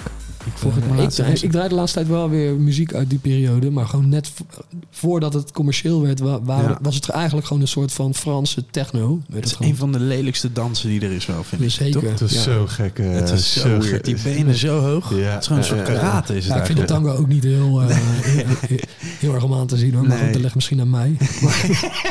maar dat, ja, dat jump, dat maakte het natuurlijk zo'n extreme gimmick... dat het Ja. in één keer voor eigenlijk meer voor kleine een- kinderen Ja, het was een basisschoolding gewoon. Ja. Ja. ik zit nog eventjes een beetje... eh, Goedemiddag, dames en heren. Dit is Mitchell, maar eigenlijk heet ik Strange... en we gaan helemaal nergens naartoe. Als bestuurder van die mede, weet je. een beetje zoals het verhaal ook in deze aflevering van de Bakkie Bakkie natuurlijk. Gaat ook weer helemaal nergens heen. Gaat alle kanten op. En ik zit eigenlijk te wachten tot jij, eh, tot jij, eh, weer, tot jij me weer bij het eh, onderwerp haalt. Zoals je dat altijd doet. Nee, dat, dat gaat helemaal goed komen. Gaan- Maar absoluut. je bent nog steeds groot gebruiker van het openbaar vervoer. Ja, absoluut. Ja, Ja. ik doe alles met openbaar vervoer. Al je gigs ook, toch? Ja, zo goed als. Ja, af en toe is er wel eens eentje die, eh, die moeilijk te bereiken is. Ik weet ook nog met eh, Wildeburg in 2019. Toen ging ik dus op de dag zelf ging ik eventjes eh, checken van... oké, ja, hoe laat zal ik weggaan dan? Dus ik zou kijken naar die treinen. Ja, er rijden helemaal geen treinen. eh, dicht, bij, dicht bij Kraggenburg, weet je wel. Dus de, ja, het zat dat te, te balen. Nou, een trein genomen naar wat het dichtstbijzijnst was. En een eh, taxi genomen. En toen heb ik gelijk maar een taxi genomen voor de dag daarna. Want ik moest ook naar eh, Lyon nog de dag daarna. Oh, lekker. Dus Met de taxi naar Lyon. Kragel, van Kraggenburg naar Schiphol met de taxi. Dat was ook iets van 250 euro of zo. maar ja dat, eh, ja, dat betaal je dan maar. Weet je, dat neem je dan op de koop toe. Ja, ja, ja. Nee, maar ik vind het gewoon prettig om eh, zelf te kunnen bepalen wanneer ik, wanneer ik weg wil. En ja, dit klinkt eigenlijk heel tegenstrijdig. Want met de auto kun je dat natuurlijk nog veel meer.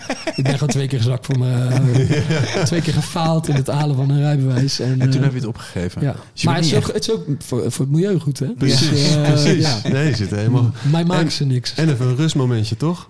Zeker. Dus Nou, ik kom echt tot rust in het Ja. vliegtuig, moet ik zeggen. In het vliegtuig vooral. In het, in het openbaar vervoer ook wel. De- De trein is wel lekker ook, toch? ja, nee, Ja. Ik, ik- toen ik in Amsterdam De woonde... trein kan je nog lekker uit de hele tijd. Het vliegtuig, dat, dat, dan, zit je, dan zit je er maar. Oh, nee, ik vind het gewoon, ik vind het gewoon eh, Heerlijk, een jij ontspannen idee dat je... Je hoeft niks te doen, weet je wel. Je wordt Ja. gewoon van A naar B gebracht. Ja. Ja. ik vind vliegen ook gewoon een leuke ervaring of zo. Ik weet niet wat, ik weet niet wat dat is. Maar, eh, maar de trein, de trein doe ik meer werken eigenlijk over het algemeen. Ik heb Ja. heel veel tracks die nu uit gaan komen... heb ik in de trein gemaakt de afgelopen twee jaar. Van. Amsterdam naar Rotterdam en weer terug. Welke? We willen er nu gelijk in horen. Eh, ja, jullie vroegen ook vorige keer naar die, eh, naar, naar die Alter Ero's. Ja, ja, ja, ja, precies. Maar er komt nu een plaat uit eh Tafkamp Presents Earth the Perf. Earth the Perf is een ghetto alias dat ik Maar, heb. maar Tafkamp was al ghetto, toch? Ja, kijk, voor mij is Tafkamp gewoon alles wat Stranger niet is, wat Ja. wel Mitchell Polderman is. Eh, dus ik vind het eigenlijk, je kan het niet echt een project noemen, maar het is nu zo, zo opgepakt. Eh, en dan ja, met name door de wat meer eh, niet serieuze clubbangers, dat eh, mensen het nu als zo'n project zien. Maar ik heb ook ik heb twee albums gedaan met heel veel downtempo en ja, beetje bijna ambient-achtige werken. En daar komt nu ook zo'n derde album weer uit. Ook allemaal een andere naam. Nee, dat, is, dat, is, dat, is, nee, dat is Tafkamp nog. Oh, dat is Tafkamp, ja. Maar meer om aan te geven, ja, Tafkamp is niet per se ghetto. Maar met, Nee. Tafkamp voel ik meer vrijheid om gewoon van alles te kunnen draaien, weet je wel. Ja. En Stranger is gewoon techno. Ja, rave, rave, techno. Ja. Terug naar de hiphop beats. Ja, Zijn die ooit uitgekomen? nee, nee. nee, Niks nee. mee gedaan. nee. Ik zat wel laatst te luisteren weer even. En ja, ik vind het nog steeds vet. Eh, ja, ik weet niet. Ik heb heel lang het idee gehad dat, dat je muziek moest maken die andere mensen dan leuk moesten vinden. Dus ook in, eh, in de MSN-tijd de hele tijd shit naar mensen sturen. Zo van, hé, hey, luister dit, luister dit. Maar eigenlijk ben ik de hedendaagse, ik denk toen ook al gewoon heel erg eh, comfortabel met het maken van iets wat ik gewoon vet vind. En dan kan ik het ook zo vaak terugluisteren als dat ik wil. En als iemand anders het dan leuk vindt, is mooi meegenomen. Maar als jij iets maakt wat je zelf niet vet vindt en iemand anders vindt het niet, ook niet vet, dan... Ja, heb je er niks aan. Op een, op een gegeven moment houdt het op, bedoel je? Ja. Ja. Nou ja, als je- Dus als je het wel leuk vindt Ja. en andere mensen vinden het niet leuk, dan vind je het in ieder geval zelf nog leuk. Precies, ja. Ja, precies. En eigenlijk met dat idee is dat Tafkamp ook ontstaan. Gewoon het, eh, ik maakte gewoon heel veel muziek. Muziek waarvan ik eh, het heel vet vond. Alleen zodra ik, buiten, ja, zodra ik het buiten mijn eigen bubbel plaatste... kon ik niet helemaal plaatsen of mensen Hmm. het wel of niet zouden diggen. Maar als je het niet, als je het niet publiekelijk maakt... dan zal je nooit weten of mensen het leuk Nee. vinden, weet je wel. Dus ik ben het gewoon gaan uploaden. Eh, ja, soms misschien iets te, iets te overdreven. Gewoon echt dingen maken en het gelijk online knallen. Eh, en, en het dan gewoon daar maar laten staan. Maar op een gegeven moment begin- beginnen mensen het toch te, te waarderen, weet je Ja. wel. Ja, nu zijn we 400 tracks verder op Soundcloud, weet je wel. Ja, En gaat het een soort van eigen leven leiden. En dat- ja, dat is toch wel grappig om te Mm. zien. Ik wil toch eigenlijk nog even terug naar, die, eh, naar, naar, die, eh, eh, naar het begin van, van, van Stranger. Want dat was volgens mij eh, 2014. Ja, Je eerste, je eerste EP. En volgens mij was dat wel gelijk. Was het Memories? Wat was het Ja, dan? Warehouse Memoirs was dat. Ja. Maar dat werd wel gelijk goed ontvangen, toch? Dat was je eerste EP. Ja. En, Ja, dat ging ook heel grappig, want ja, ik was dus, was dus pak weer even begonnen een met... stukje kip, ja? Ja, nee, groot gelijk. Ik was, eh, was weer begonnen met, eh, met, eh, met muziek maken en ik, ik voelde heel sterk de drang om, om iets met trots te presenteren, om ergens achter te gaan staan. Zo van, dit is gewoon wat, wat ik doe, wie ik ben. En eh, ik werd in, die, in, in, de, in de periode daarvoor, dus in de early rave of old school, nooit echt serieus genomen omdat ik, omdat ik te jong was. Maar dat is wel gewoon de sound die ik het vetst vind. Dus ik had op een gegeven moment vier tracks bij elkaar. En toen dacht ik, eh, eh, het was echt zo, gewoon, dus dit is allemaal in één nacht eigenlijk bedacht en eh, eh, eh, uitgevoerd. Die, die vier tracks kwamen bij elkaar. Toen dacht ik, ik ga een label beginnen. Dus ik eh, een labelnaam bedacht. En eh, eh, gelijk... Self-reflection. Self-reflection was dat. Eh, Gelijk eh, laten masteren. En ik, ik wilde het eigenlijk gewoon 300 keer laten persen. En dan zelf, ik was ervan overtuigd, ik kan 300 platen slijten aan mijn vrienden. Sowieso dat mensen toch gaan. Iedereen gunt, me- gunt me de wereld. Dus eh, ik wist zeker dat, dat ik dat kon. Eh, achteraf gezien ben ik blij dat ik dat niet zelf eh, heb gedaan. en dat ik bij eh, Triple Vision Distribution terecht ben gekomen. Ehm, die wilde de, het vinyl wel eh, distributeren. Of in ieder geval de, de werknemers die stonden daar helemaal achter. Maar toen ben ik daar dus op gesprek geweest bij, bij Triple Vision. En die baas die, die keek me zo aan en die zegt... Oh, ik had eigenlijk eh, iets heel anders eh, verwacht. Ik had eigenlijk eh, een of andere jongen die bij Hot Sound had gewerkt of zo. in ieder geval een, stu- een stuk ouder. En die zei... nou, de eerste plaat gaat waarschijnlijk 140 stuks verkopen. Want je bent een nieuwe naam, niemand kent je. Tweede plaat is van, van jezelf ook. Dus er gaan waarschijnlijk maar 100 van verkocht worden. Dus ik zou die doen. Maar als je betaalt, ja, natuurlijk, eh, beginnen. Begin er maar mee. Dus nou ja, zo eigenwijs dat ik was, ik wist zeker dat het ging werken. Dus eh, ja, geld, mijn laatste beetje uitkering geld eh, eh, ingelegd. En daar platen van geperst. En eh, ja, het, het- ging, toen ging het eigenlijk het ging heel snel. Gewoon heel, het was heel vreemd. Op een gegeven moment eh, kreeg ik de hele tijd berichten van eh, Sven Veet, just played your track Ja, in, ja, eh, in Paraguay of zo. Dat ik dacht, hè, Sven Veet, maar dat, is- dat, is, dat is ook totaal niet de naam Dat was waarvan niet ik had verwacht. Nou, ja, is Ik niet ga hem wel- gelijk even bellen. ik had niet verwacht dat hij dat zou doen. Ik kreeg filmpjes toegestuurd dat hij op Ibiza met vuurwerk erbij die track stond te draaien. Ik dacht van, nou ja, slaat dit nou weer op?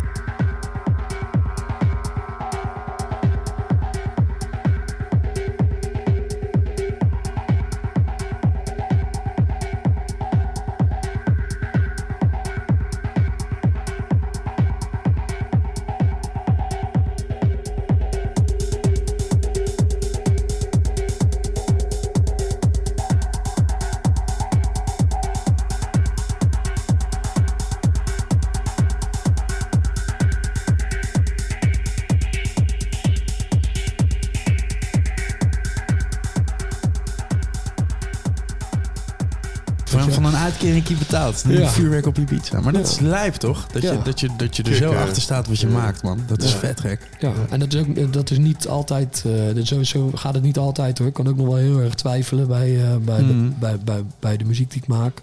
Ja, dat wil ik Wij eigenlijk allemaal hoor. Wij allemaal. Wij twijfelen heel erg bij de muziek die jij maakt. ja, nee, dat snap ik ook wel. Want aan de ene kant zeg ik, me, dus soms kan ik dingen overdenken. Ja, Gewoon eindeloos in mijn eigen, in mijn eigen loop verdwijnen. En aan de andere kant eh, in één nacht gelijk... eh, Ja, als je het weet, dan weet je het. als, als je het weet, dan weet je het wel. ja. Ja, ik, eh, ik ervaar sowieso met muziek maken ook de momenten die het, eh, die het minst door gedachten in- beïnvloed zijn. Dat zijn ook de, de, de tracks die het sowieso goed gaan doen. Hmm. Omdat je dan op instinct werkt of zo. Hmm. En de tracks waarbij je gaat nadenken. Zeg maar op het moment, ik, heb, ik probeer dus op het moment dat ik door heb dat ik aan het nadenken ben. Van wat moet ik verder of wat. Dan, ja, dan het ik, het- zet ik het uit en dan eh, ga ik even Mortal Kombat spelen of zo. Ja. En dan eh, kom ik er later wel weer bij terug als ik, als ik een gevoel heb wat, eh, wat er goed bij past. Dus liggen er ook eh 1500 eh, schetsen nog. Ja, zeker wel. Zeker wel. Heel veel. Zijn dat dan dingen waar je, waar je op terugkomt? Ja, heel af en toe ga ik weer eens door oude projecten heen. En dan, eh, en dan kom je ook dingen tegen die je echt, gewoon echt helemaal niet meer kan bedenken. Sommige dingen die zijn gewoon, eh, hoor ik wel wat ik, wat ik wilde doen, maar, die, maar het is het gewoon niet. Eh, en soms zitten er gewoon echt tracks bij die gewoon helemaal af zijn en die eigenlijk gewoon vet zijn. En dan, pluk ik het gelijk weer op de Soundcloud, weet je wel. Ja. Ja, wat dat betreft is zeker voor het delen van muziek is internet gewoon een bizarre democratisering van, van, eh, van creativiteit. ja, Dat zeker. je het gewoon meteen kan delen. Zeker. En eh, het grappige is ook, ja, ik heb ook een tijd eh, in, het, in het MP3 gebeuren gezeten. In het, in het delen van. Het MP3 gebeuren. ja, dat was, dat was, dat was een, een scene ook destijds waarin dus nieuwe releases, of al dan niet gereleased al, werden gelekt en werden verspreid. En ik weet destijds nog dat, eh, dat daar vanuit de platenmaatschappij en vanuit labels werd er heel erg, eh, heel erg gaar over gedaan eigenlijk. Zo van ja, l- muzieklekken en piraterij kan echt niet. Wij lopen zoveel geld mis, maar als je, als je even gaat bedenken dat een Thunderdome CD 45 piek kostte. Ja. Ja, wat- precies. wat is er- waar heb je het En- en wat- over? ja, zeg maar, zij hadden er gewoon bovenop moeten zitten. Platenmaatschappijen hadden gewoon al gelijk een model moeten bedenken waarin ze geld konden blijven verdienen, maar dan via online verkopen. Ja, maar dat ja. heeft zo lang geduurd. Ja. Dat hebben ze gewoon zelf veroorzaakt, weet je wel. Dus, pure angst. Het was alleen maar angst. Het wordt Ja. afgepakt. Het en, wordt het, afgepakt. en het waait wel over, weet je wel, dat ja, internet. ja. Ja, dat, dat, ja, dat is gewoon een trend. hebben een paar mensen hebben zich een klein beetje vergist. Ja, een klein beetje, Klein- ja. ja. Maar ja, nu met dat Spotify zijn ze weer helemaal back, toch? Die, eh, Ja, de, ja de zeker. grote En, want, ja, want daar wordt, daar wordt natuurlijk ook gewoon weer ongekend veel geld verdiend met, Ja. met, met, met niks. Ja, ja, maar door anderen. Ja. Niet per se door, maar dat, door, dat, ja, dat door bedoel ik. Zeg maar, de bedrijf doet eigenlijk vrij weinig. Die hebben nu gewoon een model wat werkt. Eh, en de, nu, nu is het aan de muzikanten zeg maar, om hun muziek aan te leveren. Die muziek populair worden. En vervolgens, ja... Het, is, het is verschrikkelijk, maar het is wel zalig om te gebruiken. Dat is- Absoluut. dat is ik echt... ben ook, ik ben ook eh, zeker niet anti-Spotify. Zeg maar. Ik zie het als een heel goed platform voor artiesten om hun muziek te pitchen. En om eh, hun muziek te laten pitchen door, Ja. door, door curators en weet ik veel wat. Zeker, maar, Maar, je zou, moet het niet voor het geld doen. het zou wel Nee. tof zijn als ze, als, ze daar, als ze daar dan iets meer tijd in zouden steken... om die verdeling gewoon wat eerlijker... Eerlijker te maken. Ja, ja, maar als er ergens geld verdien- te verdienen valt, Dan dan, krijg je van die haaien die daar... eh, En eerlijkheid gaat als eerste de deur uit. ja, Ja, ja. ja, dat is het eerste wat wordt ja wegbezuinigd. precies. Ja, ja, echt. Ja. Ja, je wil geld verdienen, toch? Ja, we vinden het heel belangrijk, maar... Ja. eh, nee, toch niet. Maar ging je toen, eh, de, de- 2014 was dat, met die eerste EP? Daar waren we gebleven, toch? Kreeg, kreeg je toen ook al gelijk shows? Eh, ja, mondje, mondjesmaat. Vooral in Nederland dan eh, werd, ik, werd ik wel opgepikt. Ik zag 2015 bij Pip gespeeld. Ja. Kwam ik toevallig Ja, tegen ik, gisteren. ik ben eigenlijk vanaf dat jaar volgens mij al resident bij de Kreef. Ja. En ehm, daar heb ik ook voor, een, voor het eerst een lange set gedraaid in de bunker. Ja. En mijn hart, mijn hart verkocht aan, eh, aan, aan, aan die bunker. Oh, Ja, zalig ja. tentje is het, hè? Ja. En dat, ja, toen leerde ik ook weer helemaal opnieuw draaien. Zeg maar in de hardcore draaien op een, op een hele andere manier. De, de, de platen zijn op een, een hele andere manier. Zitten die in, el- in elkaar. Waardoor je maar op een ja, beperkte manier dingen aan elkaar kan mixen. En in techno lag dat allemaal ja, veel meer stapelen. open. Ja, ja, ja, dat ligt veel meer open. Ook, en dat leent zich ook weer goed om gemixt te worden met oldschool. Dus ik ging ook dat soort dingen er weer bij pakken.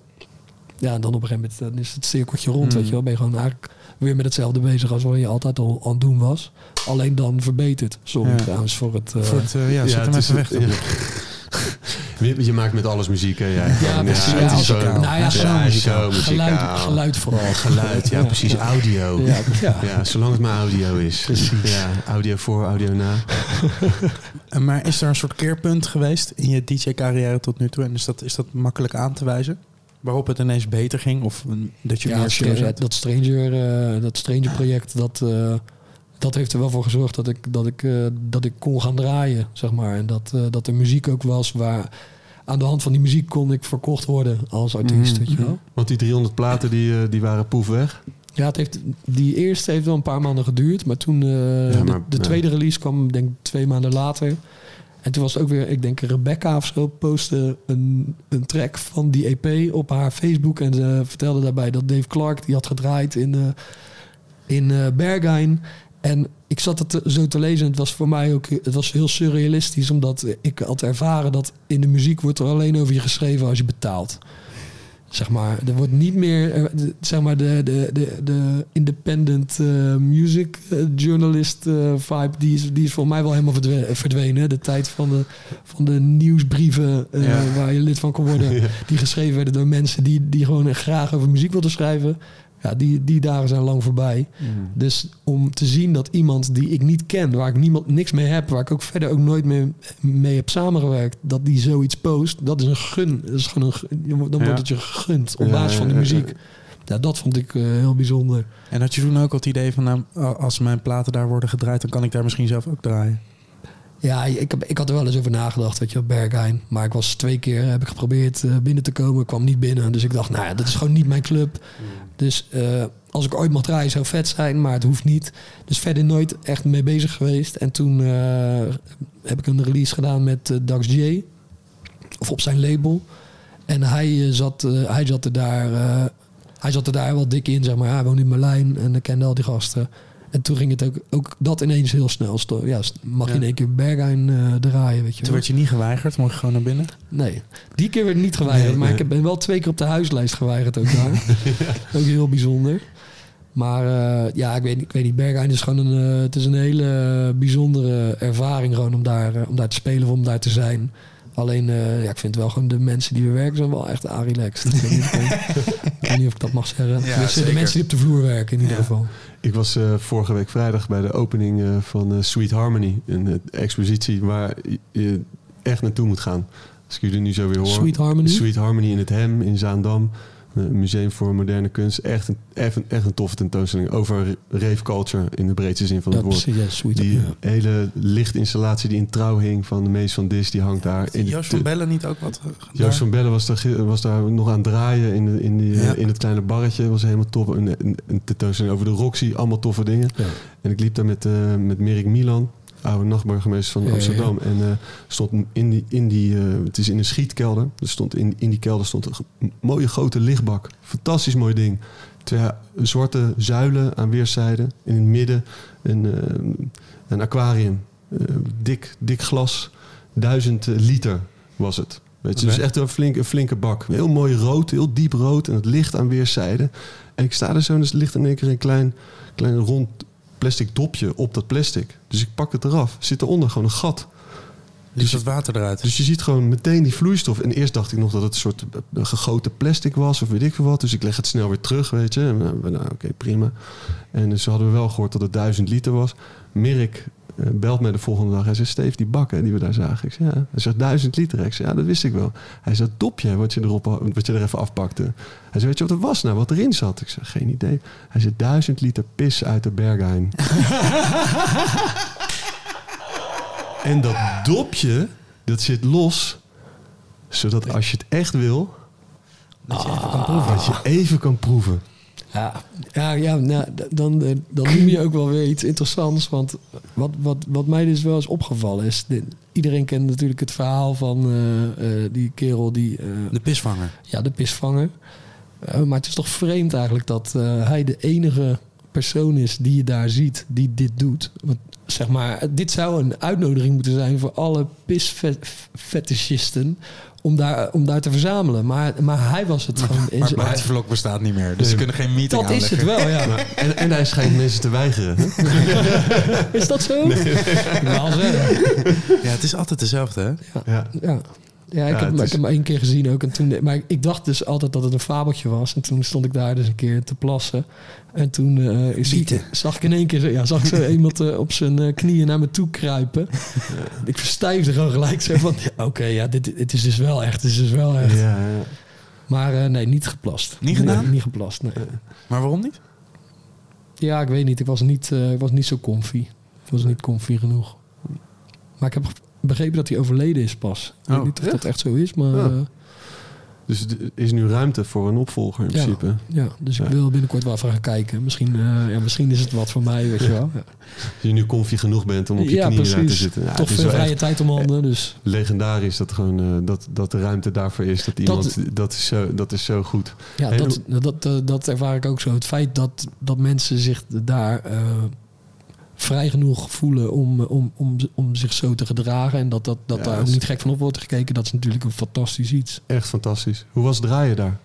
Ja, dat, ik, ik heb er vijf keer gespeeld... en de eerste drie keer weet ik eigenlijk niet, niet heel goed meer. In een roes gewoon. eh, Was, ja, was, maar, want het is zo. eh, het is echt spannend gewoon om daar te spelen. De eerste keer dat ik dus binnenliep, was dus ook de eerste keer dat ik daar überhaupt binnenkwam. Was via de DJ-boot. En eh, dan, dan word je echt de zo. eerste keer dat je binnenkwam was toen ook toen je moest draaien. Ja, en dan stond ik. En daarvoor werd je deed het Ja, geweigerd. ja, ik dacht misschien is het ook een paar keer gelukt of zo. Nee, nee, nee, nee. eh, Ik, ik, ik had twee keer geprobeerd en daarna dacht ik van, nou, ja, ik, ja, het is eigenlijk gek dat ik het blijf proberen. Blijkbaar hoor ik hier gewoon niet, dus Ja. eh, prima. Maar eh, toen mocht ik het dus draaien en er was ook de ene laatste slot van eh, op, de, op de zondag op maandag. En ik dacht nog, ja, ze hebben ons gewoon op, een, eh, op zo'n wegmoffelslot gezet, weet je wel. De, zondagavond, what the fuck. En toen stond eigenlijk eerst op zondagmiddag dan ik, ik en eh, Dax J. En hij zei, eh, ja, wacht, wacht maar joh, je weet niet waar je het over hebt. En ik moest dus de ene laatste slot, hij de laatste slot, de afsluitslot. En ik eh, word daar, kom, kom binnen in de club en dan word je ergens achter, achterlangs word je meegenomen. Een liffie, een liffie in. En eh, op een gegeven moment grote Duitse portier met eh, blote bast. Die, die kijkt me zo aan, die zegt first time. Dus ik zeg yes. Hij doet zo'n deur open en hij zegt good luck. En hij duwt me zo naar binnen en hij doet, doet de deur achter me dicht. En ik denk, nou, wat zullen we nou krijgen? Dan sta je dus één gordijn verwijderd van het publiek. En eh, op dat moment stond een andere vriend van mij, Klerk, stond, te- stond te draaien. Ik, ik doe dat gordijn zo open. En eh, ja, gewoon heel die, heel die mensenmassa begon te juichen gewoon tegelijk. ja, het, zal ik nooit meer vergeten. Ik weet nog precies. Klerk draaide Positive Education van Slam. Ook een super, ja, super mooie plaat. En eh, ik keek zo dat publiek in en je zag echt gewoon de energie kolkt gewoon zo boven. Het is niet normaal, hè? boven dat publiek. Het, was, het voelde een beetje alsof, alsof ik in de hel beland was. Maar dat, de- dat de hel eigenlijk toch ook wel gewoon eh, dat het leuk grimmig was, zeg maar. je wel? Ja,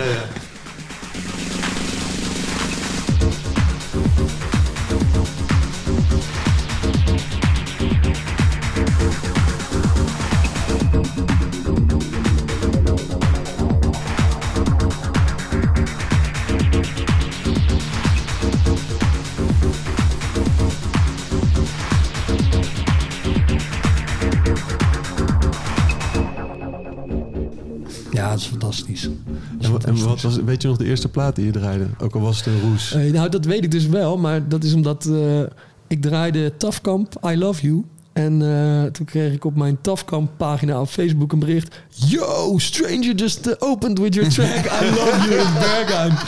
And it went bananas.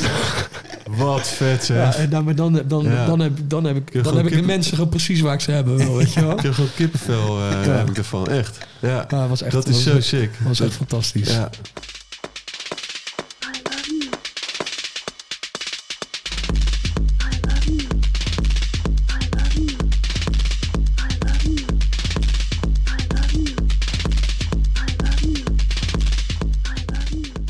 Heb je dat lang geheim gehouden eigenlijk, dat, jij, eh, dat je tafkamp was? Ja, online alleen. Ik, ik, ik vertelde het wel gewoon altijd als iemand me vroeg. Of Ja, eh, ik- op een gegeven moment kreeg ik in het buitenland gewoon heel veel vragen van eh, tijdens, tijdens het ar- artiestendiner. This Tafkamp guy, is this someone that you know? Is someone from Rotterdam? En dan zei ik gewoon wel van ja, ik ben dat gewoon. Eh, maar het, het was een beetje om mijn onzekerheid ook te eh, maskeren. Ja. Dus ja, ik wilde het gewoon niet aan de grote klok hangen. Omdat je onze- onzeker was over die muziek? Ja, en ik wilde gewoon niet dat het eh, beoordeeld werd op basis van eh, Ja. ja, wat ze van mij kennen als stranger. Ik wilde gewoon, dat, dit is gewoon een, ja, dit is gewoon een andere, andere kant van mij.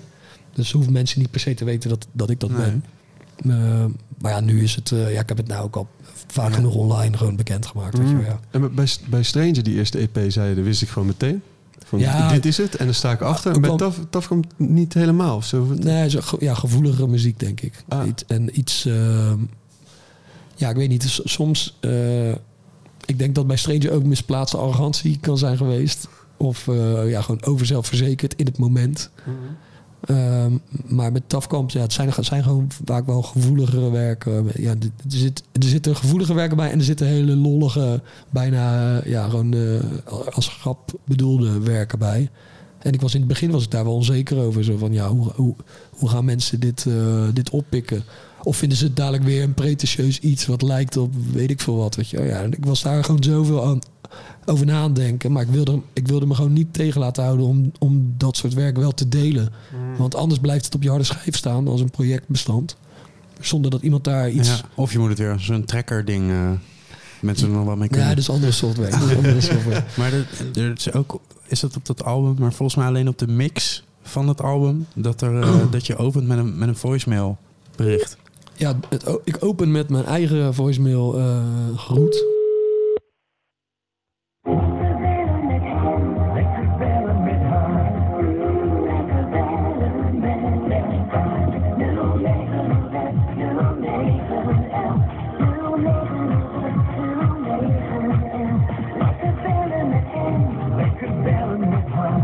Neem na de toon uw bericht op. En daarna gewoon mijn hele voicemail inbox. En ja, dat- want jij neemt nooit je telefoon op. Ja, ik heb, ja, ik heb. De laatste tijd gaat het wel beter, maar ik had eh, een hele periode zwaar belangst. Gewoon het, het idee dat iemand iets van je nodig heeft waar je dan eh, geen nee tegen kan zeggen. Eh, en dat probeerde ik een soort van belachelijk te maken door, door die actie. En eh, dat bleek ook de perfecte lijm voor het album. Dus eh, zo werd het ook nog eens persoonlijker. Dus eh, ja, gewoon één. Ja, Ja. het is gewoon een verhaal over iemand die vertelt wat hij afgelopen weekend heeft gedaan of zo, toch? Ook. Oh nee, ja, dat, Ja. dat is het tweede album. Dat is, Oh, ja. dat is mijn boekhouder. Die had ik, die had ik meegenomen naar een all-nighter in München.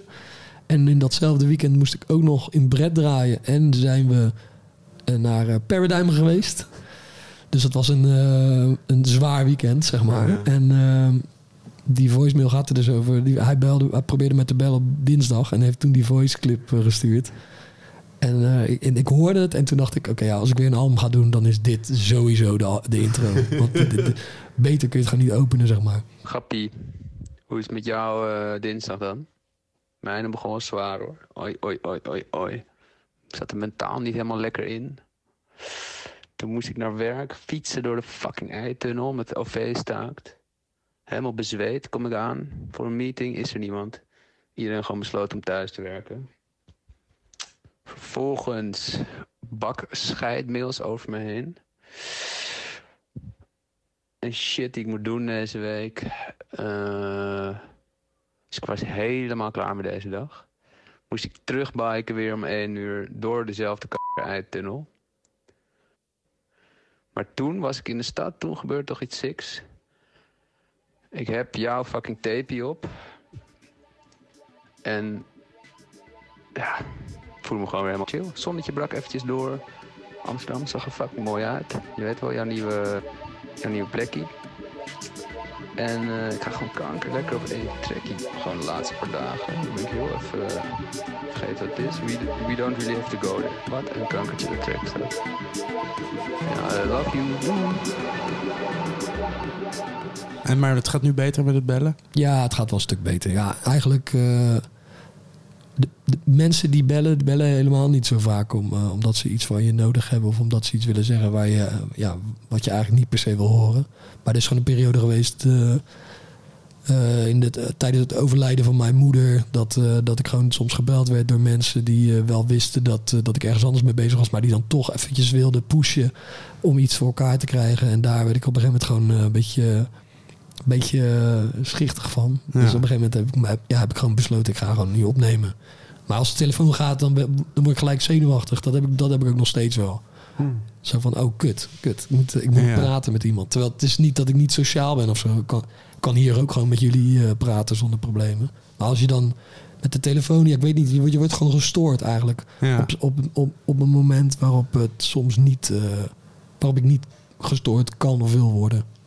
Ja, wat dat betreft is zo'n forum, daar ga je alleen, Ja, precies. meld je alleen aan als je er zin en tijd Ja. voor hebt. En die telefoon, die... eh, Ja, nee, het is hetzelfde met berichten, weet je wel. Ja, ik, Dan kun je op je eigen tempo. Dat vind ik ook lekker hoor. Ja. Ik vind bellen ook best wel kut. Soms, eh, en, en zeker als het een iets eh, zwaarder onderwerp is waar, eh, waar, waar je iets over moet zeggen, dan is het toch fijn als je even de woorden kan, eh, kan zoeken. Hmm. Eh, en niet, eh, ja, gewoon niet het verkeerde zegt. Dus ja, zodoende. Hmm. Maar goed, eh call me, zou ik zeggen. Probeer het uit. Ik heb een paar keer geprobeerd. Je hebt hem nog nooit opgenomen. Het nummer verschijnt nu onder in beeld. Ja, precies. In de show notes. In de show notes. ja, ja, ja. Heeft het eh, eh, overlijden van je moeder je muziek beïnvloed op de een of andere manier? Ben je daardoor anders gaan kijken naar eh, je eigen muziek? Mm, ja, op een, later, op een later moment eigenlijk pas. Mm. Uh, ik heb al veel dingen gemaakt die daarmee te maken hebben. Of met het overlijden van mijn vader. Um, maar ik weet niet. Ja, als ik, als ik iets gevoeligs maak, zeg maar, dan uh, moet ik wel vaak, dan moet ik vaak aan ze denken. En dan, uh, dan voel ik me gewoon vooral heel erg uh, gezegend dat ik dit kan doen. En dat zij mij de opvoeding hebben gegeven om. om waarin ik, waarin ik dit allemaal heb kunnen leren ontdekken. Mm-hmm. Omdat computers en internet was er gewoon altijd al. Weet je wel, ze hebben me de vrijheid gegeven om, om lekker met die computer aan te kloten wat, wat ik wilde. Uh, maar ik weet, niet of, ik weet niet of het heel erg. Ja, ja, ik, ik ben misschien wel wat emotioneler geworden. Dus in dat opzicht, uh, dat heeft mijn muziek wel beïnvloed. En ik denk dat, dat, dat mijn, uh, mijn moeders overlijden daar zeker wel uh, iets mee te maken heeft. Is dat lang geleden? Uh, ja, inmiddels wel. Het is 2011. Nee. En je vader vervolgens? Nee, die, die uh, is in 2008 overleden. Ja, dus... Uh... Mijn ook. Ja. Was die, jou, uh, was die jou ook op dezelfde dag als Adolf Hitler jarig? Dat niet? Ik weet niet wanneer Adolf Hitler jarig was. Ja, 20, 20 april. Nee. Helene Blank is ook op die nee. datum jarig. Ja, mijn opa ook. En het is 420.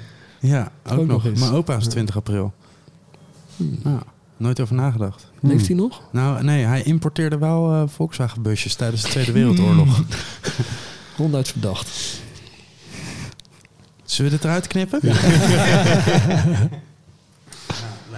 Wat er ook gebeurt, zeker als er, als er narigheid is, dan er zijn gewoon een aantal mensen die verdienen er geld aan. Ja, ja hoe dan ook. Hoe dan ook. anders dan, ja, anders dan, anders dan gebeurt het helemaal niet. Ja, je ja, niet voor niks. Nee, nee, nee, precies. Het gaat niet zozeer om, om, om uh, dat je echt heel veel meer ruimte wil hebben om uh, te wonen of zo. Nee joh, nee. niet. Nee. Platleggen de boel. Ja, precies. Inpikken. En geld verdienen. Ja, ja. precies. Daar gaat het, daar gaat het om in het leven. Ja, afromen, afpakken, inpikken. Allemaal lachen, het verhaal over de muziek. Maar uiteindelijk moet er gewoon geld ja, precies. Oh, ik vind het zo bijzonder allemaal. Ik zou er zo graag bij willen zijn. Hoeveel? Verdien je een beetje geld eigenlijk, Mitchell, als, als je er toch zo graag over wil praten? Een beetje. Ja, ja meer, meer dan dat ik uh, voel dat er, dat er tegenover dit werk moet staan. Want uh, de, die, Hm. ik begrijp zeg maar wel hoe het werkt. Uh, iemand boekt mij. Aan de hand van uh, dat mijn naam op een flyer staat, gaan mensen tickets kopen. Mm-hmm. Dus op, ja, er wordt een waarde voor jou bepaald, zeg maar.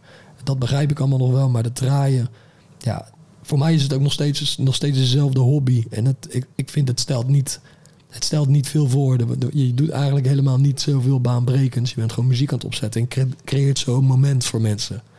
Dus om soms te zien wat voor fees daar tegenover staan, ja, vind ik, vind ik soms moeilijk te accepteren. Ja, als ja. aan de andere kant andere mensen ja, ja, heel veel geld ermee verdienen, dan... Uh... Precies, en dat probeer ik ook altijd in mijn achterhoofd te houden. Maar dan alsnog, als we, ja, het moment dat ik voor het eerst 1000 euro verdiende met een, met een DJ-set. Mm.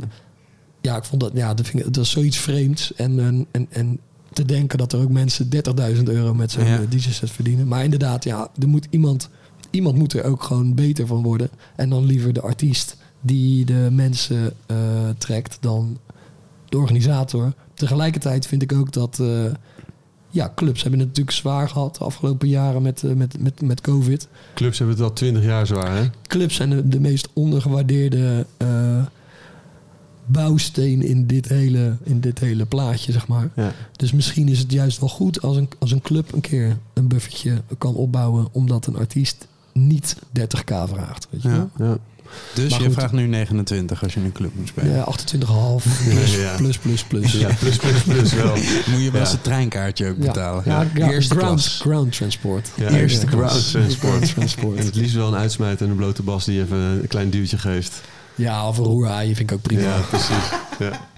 Nou ja, het, ehm, het is, het is een, een, een, eh, een gevoelige snaar die je gelijk raakt. Aan de ene kant die gigantisch hoge fees, aan de andere kant clubs die onder druk staan. te- Festivals die, eh, die de deur dicht houden. Of in ieder geval met Ja. exclusiviteit en zo natuurlijk. Absoluut. En aan de andere kant de bezoeker die, eh, eh, die, die vaak een, een, hoge prijs moet betalen. Hè? Dus eh, en, en entree en, en, Ja. en drank. Het is allemaal best wel een... eh, Ja. Maar jullie hebben dit toch nu helemaal onlock bij Pip?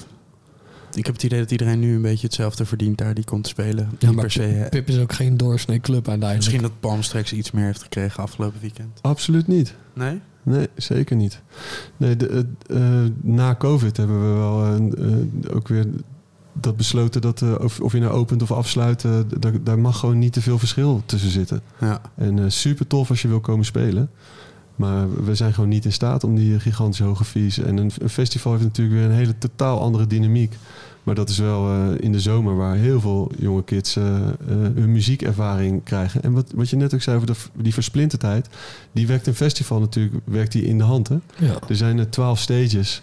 En mensen gaan even kijken bij een DJ-set. Ja, je, hebt, je hebt aan het einde van de avond, heb je gewoon, als je met een groep van twaalf mensen gaat, heb je alle twaalf een andere ervaring bij die avond. Of bij, dat, bij die dag. En dat, ja, dat is, ja, Ja, dat is aan de ene kant rijkdom voor de bezoeker. En tegelijkertijd ook eh, een, ver- een verarming van, eh, van die beleving van een set. ja In precies. plaats van dat je in, in de- gewoon... eh, Met z'n twaalf gewoon bij één, eh, in één zaal staat en hetzelfde feest ervaart. ja, Ik luister geen hele sets meer, ik doe samenvatting alleen. ja. Ja, ik ga niet eten, dus dan blijf ik kijken. Ik kijk wel even de highlights op Instagram. Ja, ik, draai, ik draai alleen samenvattingen. Dus, eh, Snips. dat Ja, dat ik luister alles, alles, alles af op eh, vijf, vijf keer snelheid. Maar bijvoorbeeld op, eh, op Dekmantel. Ik begrijp niet dat er dan mensen bij dat Boiler Room podium eh, gaan staan. Want dat kan je zeg maar nog een week later, Terugkijken. kan je dat terugkijken. Ja, maar Ja, je, wil, nee. je wilt terugkijken naar jezelf zien. Dus Ja, dat, ik denk dat dat toch wel een ding is. Ja, is dat het? Ja. ik weet, het is ook wel Ja, plus als je, het is ook- ziet, als je ziet hoe los het gaat, weet je wel. Ja, dan Het is ook wel een vette stage, toch? Het is ook een van de kleinste stages. Ja, maar dan ga, ik, dan ga ik liever toch wat anders kijken tegelijkertijd. Nee, ik vind sowieso ook dat kleine, dat, eh, dat trekt mij ook meer. En eh, ik moet ook zeggen... eh, jij hebt de hele dag in, het, in die grote hut gestaan. Hij, Mitchell kwam een uur. Alle, een drie, uur. alle drie uur. Alle drie Mitchell is een ja. uur naar, naar Dekmantel gekomen. Nee, drie uur. Drie uur. Hij zoekt hem maar uit. Drie uur Hij- hij, hij- hij, saunaatje gepakt. hij- ik, ik liep daar naar uit. buiten. Het was daar zo warm. Het was niet normaal. Het is echt herrensauna was het. Ja. Eh, Ik liep daar naar buiten. Er zat bloed aan mijn overhemd. Ja, en het was niet van mij. En ik dacht eerst, Femke heeft nog gekeken of ik uh, geneedlespiked was. Maar Maar dat was niet. helaas niet. Nee, nee. Bloed aan mijn shirt, niet van mij. Gek wel. Ja. Heerlijk sfeertje hing er. Ja, dat is wel... eh, Ja, ja was, ik heb er niet heel veel van meegekregen. Ja. Maar eh, geen bloed, wel herrie, toch? Ja. nee, maar wat ik net wilde zeggen met, eh, met de pip. Want ik heb laatst weer een all-nighter gedaan in, eh, in, de, in die bunker. De bunker is een, eh, voor mensen die het niet kennen, een ruimte waar je met z'n 60 en 70 in kan. Nou, dan ongeveer. is het heel druk hoor. Ja, nou ja, me- meestal als ik er sta is het ook heel druk. Dus ja, ik moet het toch gezegd hebben. Kan je met 60 of 70 man max in. Ik draaide met een, met een collega samen. En ja, trouwens, ik ga het ook gewoon zeggen. Er werd, er werd gezegd, ik kan jullie 1000 euro bieden. En ik vind het dan ook heel moeilijk te begrijpen hoe dat mogelijk is voor zo'n kleine ruimte. Met zoveel personeel. Met, eh, eh, met alleen een bar en entree. Ja, er mag best, ik vind DJ's mogen ook best wel eens even een keer iets doen voor wat minder. Maar goed, dat hebben we niet gedaan. Maar goed, dat was meer voor, de, voor degene die zitten te luisteren. Nee, maar, ja, zeg maar dat soort avonden. Ik vraag me af of je, of je, of je met een kleine ruimte of met een kleine club... of je wel, eh, of je wel zulke grote headliners moet willen vragen. Misschien moet je wel gewoon met, meer met lokale lui werken... die eh, de club ook een, har- hard, har- een warm Ja, hart en die plek ook kennen gewoon. Ja, Ja, het is, het is, het is en-en toch. Aan de ene kant is het soms tof om, om, eh, om een bepaalde naam die precies goed valt of die ge- precies goed past. En tegelijkertijd gaat het ook over jong talent of eh, ja. lokale mensen de ruimte geven. Ja. En, we, hebben, ze- het is, eh, we zijn hartstikke blij met eh, dat we nu eh, 15 jaar bestaan en na COVID, eh, dat er een nieuwe, genera jullie, ja. nieuwe generatie echt die club weet te vinden. het En is het, eh, wild. gaan ja, ze. Ja. dus dat is. eh, Mag ik mijn favoriete bunkermoment nog even eh, delen? Is dat eh, met. eh Ik, ik draaide daar met Gino, Jeans, a.k.a. Ice Cream in de nek. a.k.a. onze intro-tune eh, maken. A.k.a. eh, matje en tattoo boven op zijn hoofd. Ja. Heeft, hij, heeft hij die tune gemaakt? Ja. Nou, Nou, toen is ja, gepikt van uh, Nathan Fake. Ja, precies. mij. En er zijn nog Een steeds, klein eh, pianootje overheen gespeeld. Ja, we hebben laatst geprobeerd om hem uit te brengen. Ja. Advocaten kwamen er ineens. Ja, ja. we hebben gewoon niet meer de telefoon opgenomen. en jouw nummer Dat, gegeven. wer- dat werkt voor mij ook. Maar DJ Jean speelde in de grote zaal. En eh, er was niemand bij ons in de zaal, weet ik nog wel. En toen kwam op een gegeven moment eh, Lucas bij ons de zaal binnengegaan. Lucas, een jongen die altijd bij Pip komt, die zit in een eh, rolstoel. Ja, die trouwens ook in de Berghain heeft gespeeld. Ja, Ja. ja. dat zag je vorige keer te vertellen. En die, eh, wij deden de rookmachine aan voor Lucas. En we deden nog iets meer roken. En hij ging rondjes draaien met die stoel. Dus wij dachten, hij vindt het leuk. Dus nog, nog iets meer roken. Nog iets meer roken. Op een gegeven moment waren we een half uur verder. En toen kwam hij dus naar ons toe gerold. En toen, hij kan niet praten. Toen toetste hij op zijn schermpje in... Kan die rook alsjeblieft uit? Ik zoek mijn sjaal.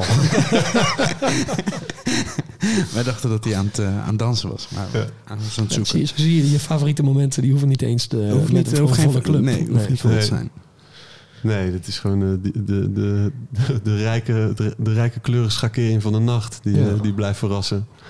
Absoluut. En maak je op een totaal andere manier muziek? eh, want je zei Fruity Loops. eh, eh, eerst natuurlijk met dat Dat de de trekker gebeuren. gebeuren. Toen Fruity Loops. Toen begon je te mixen met, met Ableton. voor, Ja, nee, daarvoor heb ik ook nog Q- Cubase ge- gebruikt. Dat En? gebruikte al die, die, die hardcore boys gebruikten, gebruikten Cubase of zelfs Nuendo.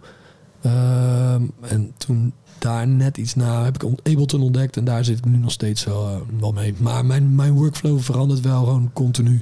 Dus eh, ik heb het afgelopen jaar eh, maakte ik vooral veel muziek in de trein. Daar zet ik dan elementen bij elkaar en dan nam ik het mee naar de studio en dan gooi ik daar alles door mijn, door mijn mixer. Dan ga ik gewoon met mute, unmute en eh, schuiven gooien. Mm. Ga je zo'n arrangement bij elkaar proberen te eh, spelen. En dan eigenlijk altijd met de gedachte van... oké, als, ik het- als ik hier nu een testarrangement mee opneem... dan kan ik het dadelijk uittekenen. Maar meestal dan, eh, Is het- dan knip ik gewoon eventjes, eventjes de, de, de, de, de, de grootste slordigheidjes eruit. En dan, eh, dan is het gewoon Zet je klaar. hem op Soundcloud. Ja, precies. Nou ja, ja, ja, ja, ja, ja. En je, je hebt het al een paar keer over een thema gehad. Is dat dan, is zijn dat de akkoorden, of de, de, de toon, of wat is dat het gevoel? wat Ja, het heeft? ja, dat kan, dat kan een eh, melodielijntje zijn. Het kan Mm. een, eh, eh, een, een sample zijn. Mm. Gewoon iets wat, iets wat eh, ehm, kenmerkend is voor, voor een track. Voor een track. En, En soms heb je gewoon zo'n eh, heb je zo'n element en dan, dan, dan weet je al van oké, ja, dit wordt de, de drager van, eh, van, van, het, van het thema, weet je wel. en het is iedere keer, je, je zei het al, iedere keer is die workflow anders. Dus het kan zijn dat je het van tevoren echt al hoort. En dat je dat gaat maken. En soms kom je iets tegen of zo. Wat, Eh, daar- wat ik bijvoorbeeld wel eens doe is eh, gewoon een track van een ander in een loop zetten. En dan een vocal, wordt, dan, wordt dan een vocal loopje. Soms een vocal loopje met drums erbij en weet ik het wat. En in zo'n loop klinkt het dan eigenlijk alweer heel anders als dat het eh, bedoeld was. En dan... eh, dit, kan, dit kan zijn tijdens het draaien, dat ik dat tijdens het draaien heb. Of het kan zijn dat ik in de trein zit en denk van... hé, hey, die track is wel vet. Eventjes in Ableton zetten en eh, kijken, kijken wat er gebeurt als ik dit doe. En dan voor je het weet, ja, dan, dan gaat het gewoon automatisch, weet je wel. Je gaat er gewoon zelf drums onder zetten. Je gaat zelf misschien iets met, met strings erbij spelen... of met of een, een melodielijntje en dan is er ineens een track. Maar goed, ik werk, ik werk dus wel ook heel veel met eh, gebruikt materiaal. eh, van, eh, materiaal wat van anderen Je is. hebt ook van je, van je grote held eh, wat gebruikt? Ja, ik heb van, ja, ik heb van DJ Jean een keer een... eh, Dat hij ook gelijk weet. ja, nou ja, omdat, je, omdat, jij daar, omdat jij daar ook zo blij mee was. Eh, ik heb van hem een keer een eh, stukje ehm, interview gebruikt. En dat heb ik op mijn, eh, op mijn tweede album gezet. Waar, waar hij over gielen lult en over DJ's die nooit settelen. Fucking gila. Gila! Over vijf jaar ooit settelen? Tien jaar? never ever, baby. Never fucking ever settelen. hey, zoals ik al zei, volgens mij heb je niet. Ik ben een DJ in hart en nieren. Die settelen niet. En eh, er, was dus, er was dus een meisje was naar, met, die was naar Jan gegaan op een party. En die had gezegd... eh hey, wist jij dat eh Stranger, die techno-dj, die heeft er iets van jou gesampled, hè? En toen ging hij zo heel stoer even voor de camera vertellen van... Hey, Waar ben je dan? wat- Ja, mag niet, hè? Illegaal sampletjes gebruiken. Maar ik had wel zijn toestemming uiteindelijk. Maar hij weet natuurlijk niet waar dat voor is. Gelukkig. Stranger, a.k.a. Mitchell. DJ John hier, in de house. Ik hoor dat jij illegaal simpeltjes van mij zit te nemen. Hoor ik van haar. Sorry. Kan niet, hè? Kan niet, hè? Volgende keer toestemming vragen. Anyways, waar ben je dan? Gezellig hier. Wij zien niet. Ja, wat ben je nou, man? Anyways, ja, gebruik mijn sampletje maar. Ik geef je nu officieel toestemming. Hè? Zou die het geluisterd hebben uiteindelijk? Nee, natuurlijk niet. Nee, die valt wel beters te doen. Shout-out DJ Jean trouwens. Shout-out DJ Wanneer kom je een keer in de podcast? Ja. Jan, bel ons terug. Ja, die, die man heeft toch ook wel eh, wat verhalen, denk ik. Dat denk ik ook wel, ja. nou, ik zag laatst nog een hele sikke DJ-set van hem op ja, een boot. Ja die, ja, die heb ik ook gezien. Ja, ja. Ja ik wist niet dat, eh, dat eh, tijdens Snabbels eh het scratchen ook eh, om de hoek kon komen kijken. Ja, dat is interessant. scratchen kan altijd in principe. Hè? Ja, is waar. Ja. Dat scratchen we er gewoon uit. Ja, dat is heel, het is een heel lijp sketchje was het. Ja. Ja, echt. Ik wist niet dat hij het nog in zich had. En hij had het ook niet. Maar dat, hij heeft best wel een soort van ding met dat scratch. Scratchen. Hij deed ook op tv, ging het toen ook helemaal mis. Hij, hij, is, hij is, mm, als ik me niet vergis, is hij eh, Nederlands kampioen geweest in, eh, in, in eind jaren tachtig. Je moet het toch een beetje bijhouden. Jan Engelaar, ja. Maar eh, ja, niet meer zo heel erg. Maar ik weet ook nog dat na dat eh, RTL Boulevard of zo'n filmpje... dat hij Nee, ook ja, ging koffietijd was het of zo, Koffietijd, ja. Nog erger. De vijf uur show, ja. Maak er maar wat van. Maar dat hij ook ging scratchen inderdaad. En dat hij toen, Toen was als- zo, was toen had, hij als een reactie... Nou, het- in die show was het niet goed, maar als reactie had hij die dus was wel goed. Voor de dumpers, stumpers of zo had hij... en ja, ja, hij kon het wel, maar... Was het nog steeds niet super. Het- nee, het was geen eh, baanbrekend scratch of zo. Maar hij kon het wel. Hij kon het wel. Baanbrekend scratchen. Baan, baanbrekend scratchen. nou ja, er zijn wel... Er zijn Ja. DJ's die kunnen echt... Ja, zeg maar, die doen zo'n routine. Ja. eh, maar ook puur om jou onder de indruk te krijgen, weet je wel. Dus ja, Ja, dat ja. vind ik wel baanbrekend scratchen. Ja, zeker. Sommige van die dingen kan, zal ik echt never kunnen. Ze- Echt, echt iets nieuws maken met scratches. Heel, Was, dat ja, dus, gewoon eh, heel vet, Speedy eh. J kon ook scratchen volgens mij, Ja, toch? Kut, Die- Kutmaster Ice. Kutmaster Ice. Ja, ja, zeker. Toen gingen mensen met hun wang scratchen en toen was ik er klaar mee. Zei Ja. ja, het is zo vet met die oude kampioenschappen. Er komt op een gegeven moment een gast, volgens mij uit Polen of uit Rusland, met de tape deck. En die gaat scratchen met de tape deck. Dat is zo sick. bizar. Mr. Mr. Tape. Maar het is, Zeker. uiteindelijk is het, het eh, een kwestie van... eh, je, moet, het- je moet dat voelen, zeg maar. Hoe, Mm. hoe, die, hoe de muziek op zo'n band staat. En hoe Ja. je dat dus kunt manipuleren. Ja. Dat is met, met platen natuurlijk is dat precies zo. Eh, ik denk ook niet dat je dat dus ook met elke plaat automatisch kan als je kunt scratchen. Je, je verzint een routine en dat, dat, eh, dat wordt dan je, je optreden, weet je wel. Dus het is heel anders dra- eh, DJ'en als dat, eh, dat wij natuurlijk kennen.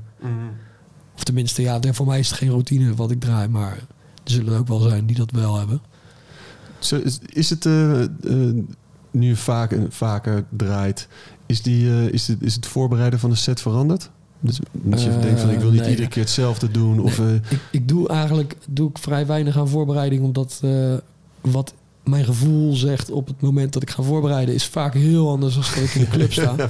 Dus ik heb gewoon sowieso gewoon een shitload aan muziek bij me. En ik probeer het de laatste tijd probeer ik het iets vaker weer om, eh, om eh, voor te bereiden. Omdat ik bang ben dat ik anders weer in, eh, in, een, in een selectie oud, oud werk terechtkom.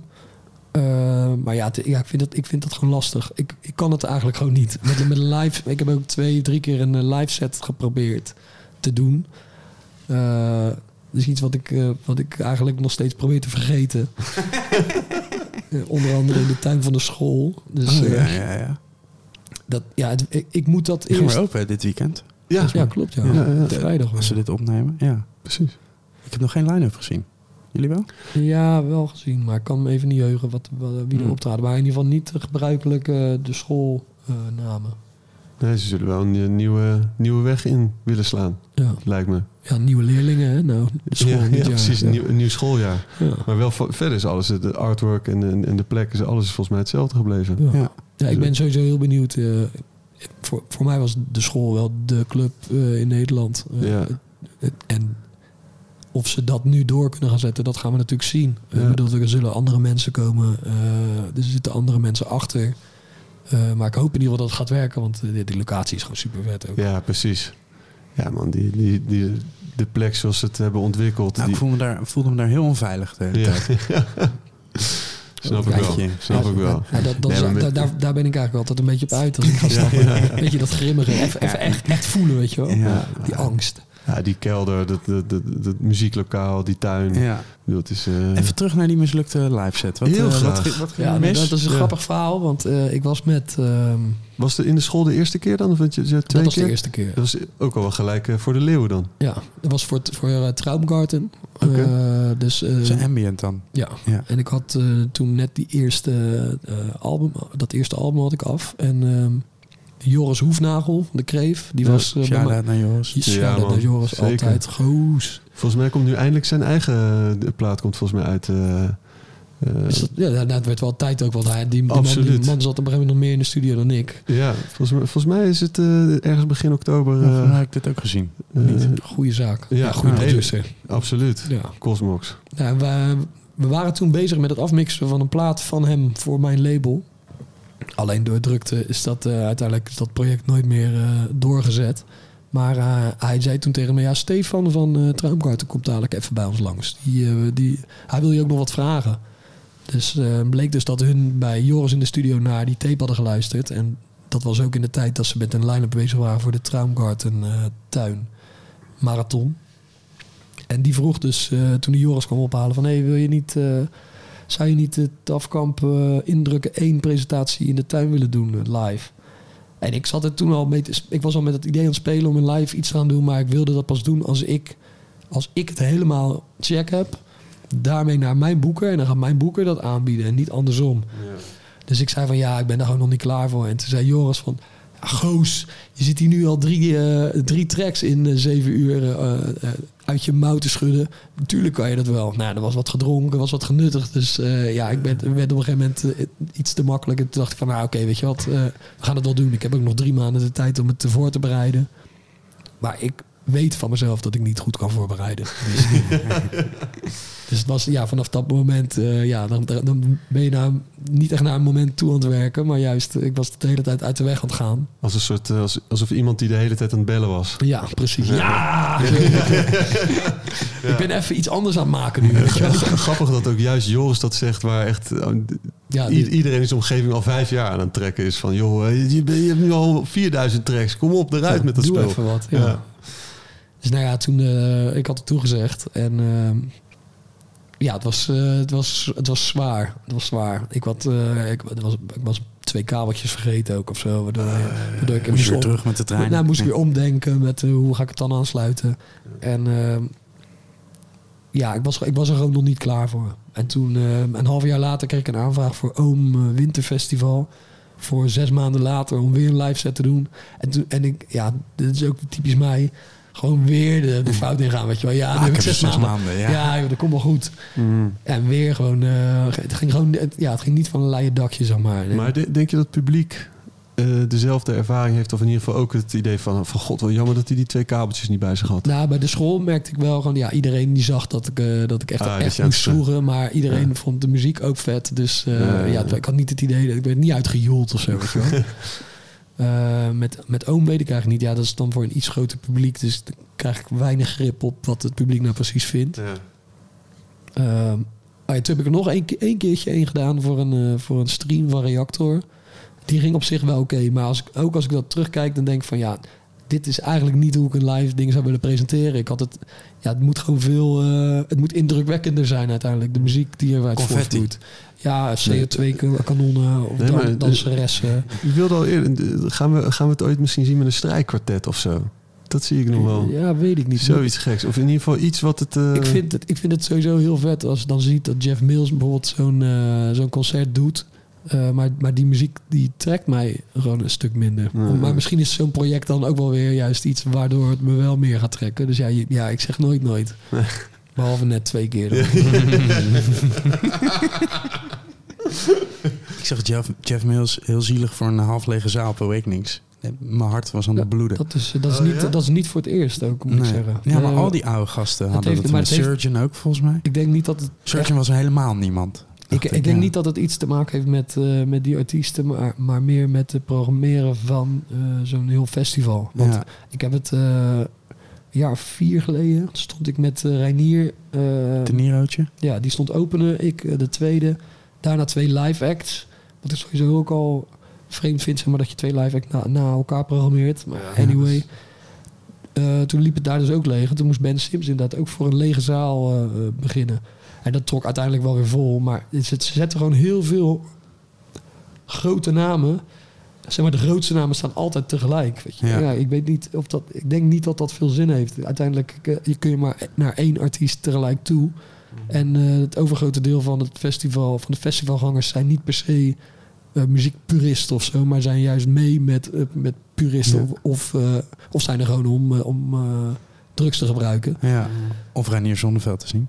Ja. Of allebei. Of allebei, of geen van beide. Kan ook nog. anyway, ja, ik denk, ik denk dat, eh, dat met zo'n megafestival met zoveel grote namen... dat het onvoorkombaar is dat, eh, dat, ja, dat je gewoon lege tenten krijgt bij, eh, bij hele gevestigde namen. Ja. Ja. En Jeff Mills, ja, oké, Jeff Mills is wel, eh, die is sowieso moeilijk te peilen met wat hij gaat doen. Het was een beetje slowy was het ook, maar ik vond het heel vet. Ja, ja ik, vind ook, ik vind het altijd ook heel vet hoor. Maar ik kan me voorstellen dat, dat het vaak niet is wat mensen. Nee. We gaan toch even naar I, I Hate Models. Ja, precies. Zo sick. Ja, heel sick. Op eh, die openingsavond eh, eh, bij Lowlands ehm, stond ik heel veel bij Sjoerd en Boyen. En dan is het een zaal vol met koptelefoons. Maar als je dan even een plaat draait... Dus, dus aan het lampje zie je wat mensen aan het luisteren zijn. Ja, en blauw was techno. Blauw is techno en rood was wat zij aan het draaien. Als je dan even een track draait die een beetje ietsjes eh, meer een B-kantje is... dan zie je in één keer zo die hele zaal... toek, toek, toek, toek, helemaal blauw worden. En het is... d- want je zegt van ja, mensen kunnen eigenlijk maar één artiest tegelijkertijd zijn. Tegelijkertijd zien. Toch zou het wel sick zijn dat je gewoon, in- Ja. dat je gewoon eh, bij, bij een festival als Awakenings of, eh of Ook de, Dekmantel... dat in één keer dat het met koptelefoon Nou, zal ik jou eens wat vertellen? Nou. Ze hadden bij Awakenings in de Beekse Bergen hadden ze op de camping dan nog afterparties. Maar hadden ze één plek, was eh, aan een klein strandje. Dat was dan versterkt, maar niet echt hard. Toen had eh, Jan van Kampen, shout-out Jan van Kampen, precies de plek gevonden waar je het echt goed kon horen. Eh, maar je had nog dan de grote tent, waar dan ook de grote namen... Volgens mij de eerste avond was dan eh Joris Voorn of zo. En dan hadden ze een paar dagen voor het festival gehoord... dat er toch geen vergunning was tot vijf uur s'nachts. Dus toen hebben ze er een silent disco van gemaakt. Joris Voort op de Silent Mensen Disco. vonden dat- Ja. Ha- Hadden ze ook even vergeten te zeggen tegen de artiesten. artiesten. Ja, dat is heel sick. En ik zag Bart Skills, die ging dan volgens mij wel gewoon hitjes, eh, hitjes draaien. Oh, maar ja. er werd ook wel gewoon serieuze techno. Maar dat is heel gek. Dan staan ze in de silent disco en is er niemand aan het meezingen. En, je- Ja. en ze konden ook niet naar een ander kanaal. Ja. Ja, dan zet je hem op een gegeven moment gewoon af, toch? ja. ja, silent disco, ik weet het niet hoor. Nee. Nee, het is niet mijn concept. Nee. Niet mijn concept. Ik bedoel, Nee. als ik muziek wil luisteren, afgesloten van, eh, van, een, van een publiek of whatever, ja, dan ga ik gewoon thuis met een koptelefoon op zitten, weet je wel. Ja, met één kanaal ook. Met één kanaal. Nou ja, wel twee, links en rechts. Ja. Links en rechts iets anders. Lekker op de bank eh, je- je- in de kattenharen van de buurvrouw rollen. Ja, heerlijk. Wat was, eh, wat was je hoogtepunt deze zomer? Het was natuurlijk de, de, de eerste keer dat we weer echt weer helemaal konden. Wat, wat vond, je het, vond je het allermooist? Zo, dit is echt een vraag die ik had kunnen zien aankomen, waar, waar ik dus echt helemaal Niet niet, over over na heb gedacht. Ja. Eh, ja, een goede vraag. Ik vond eh Awakenings eh, Festival erg leuk met Guy samen, Talisman. Dat Future Intel stage. Ja. ja was, was gewoon een mini bosreef. Het was Ja. top. Het, maar het was niet, het was niet, Zand het, in mijn bek. het was helemaal niet eens heel druk of zo, maar het was gewoon. ja, was daar de hele tijd was zo. gewoon- Het Het was was gewoon een leuke set. Ja. Ja, Brett eigenlijk denk ik wel. De, eigenlijk iedere keer daar was gewoon een hoogtepunt. Afgelopen maandag was je er nog, toch? Ja. ja. Ja, Brett is ook wel echt... eh, Die hebben een plek echt gevonden, voor mijn gevoel. Ja. Toch? Het is echt... eh, Ja, nou, het is gewoon een. eh, ik weet niet, die, die, die, die spot nodigt gewoon uit tot gezelligheid. Weet je wel? Veel Ja. planten, veel. Het lijkt eigenlijk een soort van een huiskamer in dat ene grote huis van je rijkste vriend. Ja, ja, ja. Waar je dan een keer op een zondag terechtkomt. Weet je wel. En de sfeer is gewoon elke keer heel erg goed. Eh, de stemming is uitgelaten. Meer dan, meer dan ik ja, over het algemeen zie. Eh, dus dat vind ik sowieso heel bijzonder. En, en om daar de, nu een soort van vaste spot te hebben en daar elke keer te, te mogen komen draaien. Ja. Ja, dat is natuurlijk eh, dat is een winst pakken. En niet Mysteryland? Was Mysteryland geen hoogtepunt? Mysteryland was ook leuk, ja. Was ook leuk. Zeker. Met, ook weer met Talisman. Ja, ik pak ja. nog even een kippendijtje. van- Ja, groot gelijk. Kun je voor mij een bakje koffie... eh, voor mij een bakje koffie inschenken? Een bakje bakkie. Ja. Eh, En, en eh, je, je noemt nu al twee keer talisman. Jullie zijn wel eh, op de een of andere manier wel... ehm, voor mijn gevoel in ieder geval... een, een beetje in dezelfde soort... muzikaal gezien misschien allebei wel andere uitstapjes... maar wel op de een of andere manier wel een soortzelfde Ja. insteek. Ja. Gewoon, als ik Ja, ik vind, ja, ik vind Guy is gewoon gek, weet je wel. En daar Ja. hou ik van. Ik hou van mensen die niet, die niet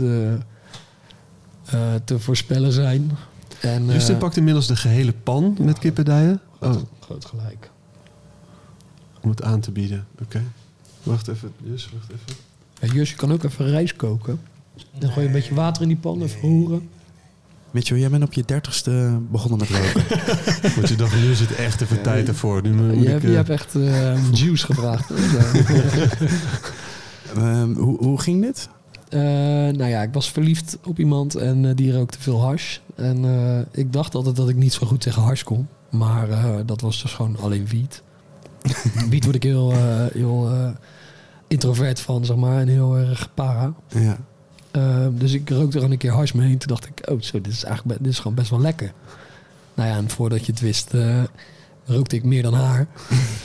en zij was wel een goede stoner, zeg maar. Maar ehm, dit is allemaal de afgelopen twee jaar dus ge- Ja. eh, gebeurd. ik had het over sigaretten. Ja, ja, de, eigenlijk. sigaretten zeg maar, kwamen...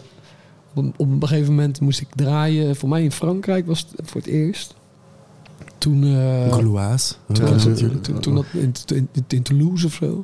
En eh, toen had ik gewoon heel erg zin om iets te roken. Maar ja, ga daar maar eens hash eh, zoeken. En ik ben ook niet zo'n artiest die organisator gaat vragen om drugs. Mm. Vind ik gewoon niet heel, heel passend of zo. Eh, dus eh, ik Alleen dacht, uppers, geen, geen downers. eh, nou ja, ook niet vragen. Zou ik ook niet om vragen. En als iemand het aanbiedt, van, ja, ja, ik ben, ik ben alsnog terughoudend, zeg maar. Doe. Ja, ik weet niet. Het is gewoon een professionaliteitsdingetje of zo, denk ik. Maar toen wilde ik dus wel graag iets roken. Dus ik dacht van, nou, weet je wat, ik ga gewoon even sigaretten roken vanavond. Toen ging er zo'n pakje doorheen tijdens die set. Toen dacht ik echt, ah man, dat zou ik echt, echt tien jaar eerder moeten doen. echt. Ze, ze zouden Ja. eigenlijk op al die verpakkingen moeten zetten... liefde maakt meer kapot eh dan Ja, je lief is. dat- roken. ja, ja. Wat staat op je rider eigenlijk? Ehm, de- op de hospitality rider Ja, staat... ja, eh, Cocaïne, hash. ja, dus zodat ik het niet hoef te vragen. Ja, precies. organisator. Nee, ehm, bier, water en een eh, a decent bottle of gin staat er volgens mij op. Oh, Eh, maar dat was ook nog een dingetje, want eh, toen ik bij dat agentschap kwam, dus een Engels agentschap, ehm, had ik dus doorgegeven, ik wil gewoon bier en water, that's it. En eh, toen ging die baas van het agentschap met de bellen. Mitchell, we need to know what you want, what you would like to drink for your gigs. En dan zei ik weer van ja, gewoon bier en water. En dan zei hij, no, but you don't understand. You might get into a situation where they don't have the drinks that you would want to drink.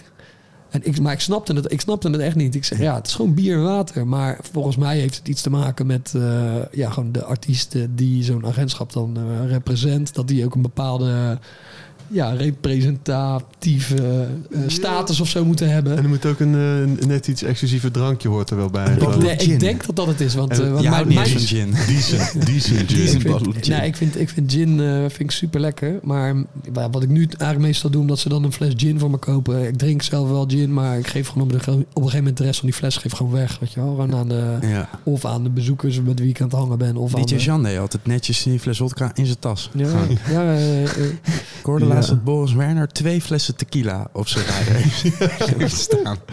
Ja, maar dat moet toch een gimmick zijn? Ik bedoel, eh, ja, er zijn... Ja, er- ze, er- sta- ze staan ik hoorde ook van iemand die in de kraslot op zijn hospitality Oh, heeft staan. Ja, Cinnamon is dat Cinnamon, volgens mij. Cinnamon, ja. Ja. ja, ja. Ja. Doe dan een staatslot. Maar kijk, ja, dat is ook wel een beetje. We zijn nu in een eh, situatie terechtgekomen waarin eh, clubs of eh, eh, promoters maar gewoon alles eh, betalen wat er op zo'n hospitality rider staan.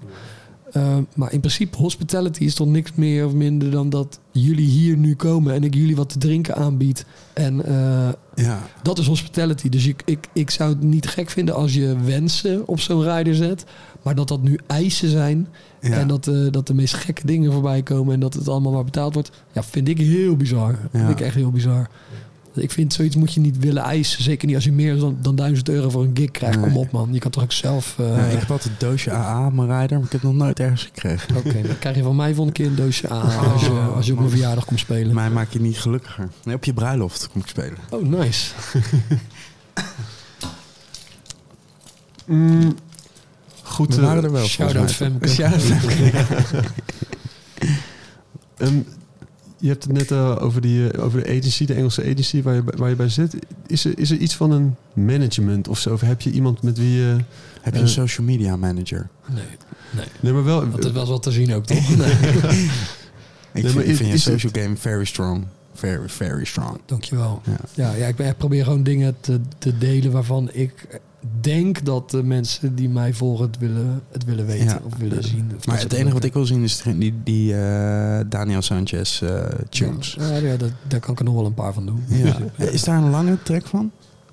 Eh, nee. Kan je hem wat langer maken? Ja, tuurlijk. Als, jij, als jullie hem als eh, outro gaan gebruiken vanaf uh, de Sowieso, dan, ja, eh, dan- ja, ja, wij We gaan sowieso nu een klein stukje laten horen. ja, ja. En als auto vind ik wel een goed idee eigenlijk hoor. Hele goeie. Een intro en een outro tune. Ja, ik, Ja. ho- ik hoop, ik hoop dat, eh, dat hij zich niet eh, te veel beledigd voelt eh, door zulke grapjes. Maar dan tegelijkertijd, ja, als je zo'n eh, Video maakt? dan vraag je er wel een beetje om. Ja. Klein beetje. Mo- Moeten we, mo- moeten we nog een beetje uitleggen hierbij voor de, voor de Nee, ik ga luisteraar? het laten horen, Je toch? ja, laten ja, horen. ja, ja, het- ja, ja. Daniel, Daniel Sanchez heeft ooit een documentaire Over video zichzelf gemaakt. Ja. Maar goed. Ja, in de, eh, in de badkamer opgenomen volgens Ja. mij aan het geluid te Ja, horen. ja, ja. Greenscreen. 50-50 balance. eh, ja, producer. eh, Ja, maar je laat... Ja, ik, ik, Hij is gelekt, hè? Hij was weg van het internet, maar hij is iemand. Ik, Nou, ik ken ja. iemand die bij iemand. Ja, hij Van zijn stond, hij, stond, heeft gehaald? hij, stond, eh, hij stond verborgen op YouTube, maar hij staat er inmiddels staat hij er gewoon weer Ja, op. ik Maar weet wie hem erop heeft gezet. is ook wel gewoon een, een, een- classic. het is eigenlijk gewoon een document. Het is gewoon, het is gewoon een document wat, wat beschikbaar moet zijn, toch? Vind ik Eh, ook, ja. Ik vraag me alleen af of er niemand in eh, zijn omgeving heeft... waarom niemand heeft ingegrepen. Ja. van, ja, ja, moet je dit nou wel doen? Ik bedoel, deze aflevering gaat ook dadelijk eerst langs de, langs de voltallige commissie, ja. Jij wou iets vragen over management? Nou ja, die- die- ehm, ik heb niet het idee dat je een manager, manager hebt, maar heb je wel heb je een soort planning of zo? Of is het gewoon helemaal puur intuïtief wanneer dingen uitkomen? en hoe, Eh, hoe, Ja, ja, ja, wanneer dingen uitkomen eh, heeft vooral te maken met, eh, met, met hoe snel de perserijen tegenwoordig kunnen persen. En eh, dat is echt een drama. ja. Eh, dus ik ben ook nu best wel even het overzicht kwijt. Want ik heb iets van vijf titels lopen op mijn eigen labels. En dan ook nog twee releases op andere labels. Ja, dat komt allemaal echt zo vanaf het moment dat je het inlevert. Ja, moet je, gewoon- moet je gewoon acht maanden wachten. Dus ik heb niet echt een, eh, een overzicht daarin.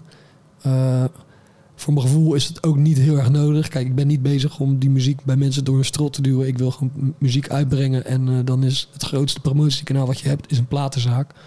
Dus eh, ja, ik, kan, ik, heb, ik, heb, ik heb het heel lang gedaan. Gewoon dingen pushen die ik dan zelf op mijn labels uitbreng als stranger. Alleen ja, in, in, in de ehm, praktijk merk je gewoon dat, eh, dat, dat, je da- dat daar niet echt iets mee te winnen valt. Zeg maar. Het uitbrengen is eigenlijk al eh, push genoeg. Zeg maar. Eh, dus het maakt niet heel veel uit voor mijn gevoel. Of, of een planning zeg maar, is niet heel belangrijk.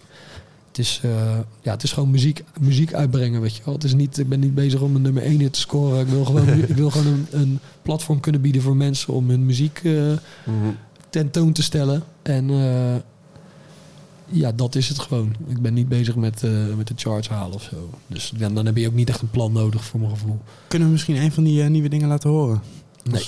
Nee, nee, ja, ja tuurlijk. Eh, ik zal... Ik zal even wat opzetten. Ja, dat is goed. Eh, ja, moet jou eerst vertellen wat het is natuurlijk en waar het op uitkomt. Ja, dus om terug te komen op het excuses aan DJ Chucky, is dit een van de tracks voor, voor mijn nieuwe Tafkamp Presents EP. Dat is Tafkamp Presents Earth the Perf met Twerk That Shit. Klinkt goed. Ja, dat klinkt heel goed. En misschien kunnen we dan eh, afsluiten met dat je nog heel even je beste David Funk imitatie doet. Want die, eh, die- Ja! Ah! Kippendijen. Zo, ja, je moet een keer bij mij kippendijen komen eten. Hè. Ik heb een pan van 10.000 euro. Als je die laat vallen, valt die dwars door je vloer heen. Nee, eh, love you, hè, Mattie. David, shout-out David. Ik hou zoveel van David. Ja, man, dat is echt... Een heel groot zwak voor David. Ja, echt, de legend. Ja. Echt. Het is Ja, als, als het iemand gegund is, ook het succes wat hij heeft, Ja, eh, wat, wat hem is toegekomen de afgelopen vier jaar, dan, dan is hij het wel. Want hij was al die cultheld, Ja, zeg maar, in, in, eh, in alle...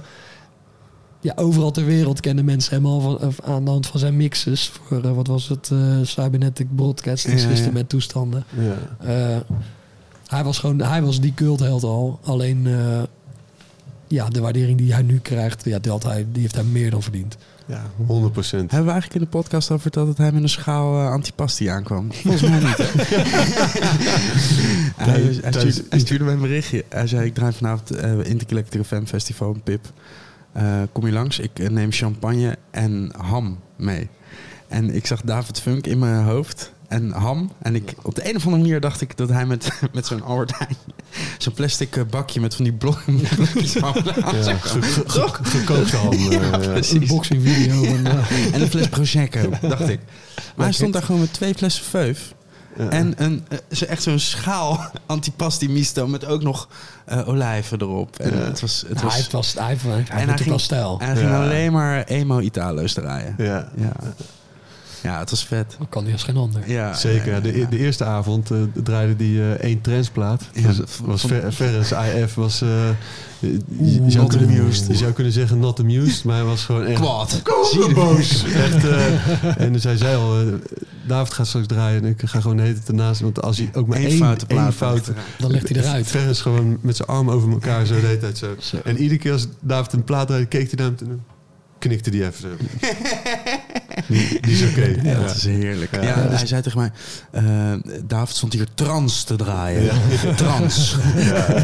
Woedend, woedend was hij. Ferent is ook wel iemand die ik eh, niet graag boos zou willen zien. Nee, niemand. Nee, Nee, nee, nee, niemand. nee. Dat doet niemand.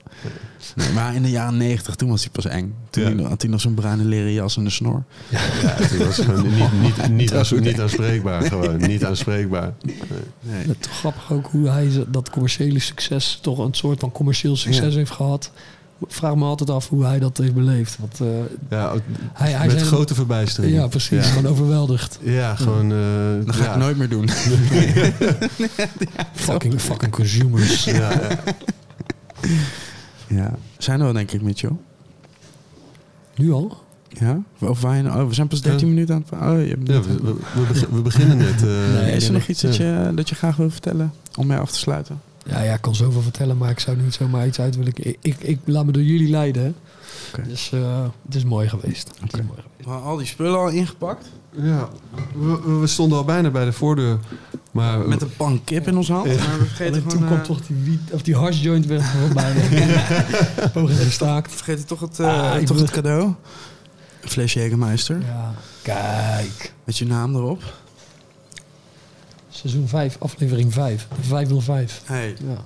Is dat een goede bak?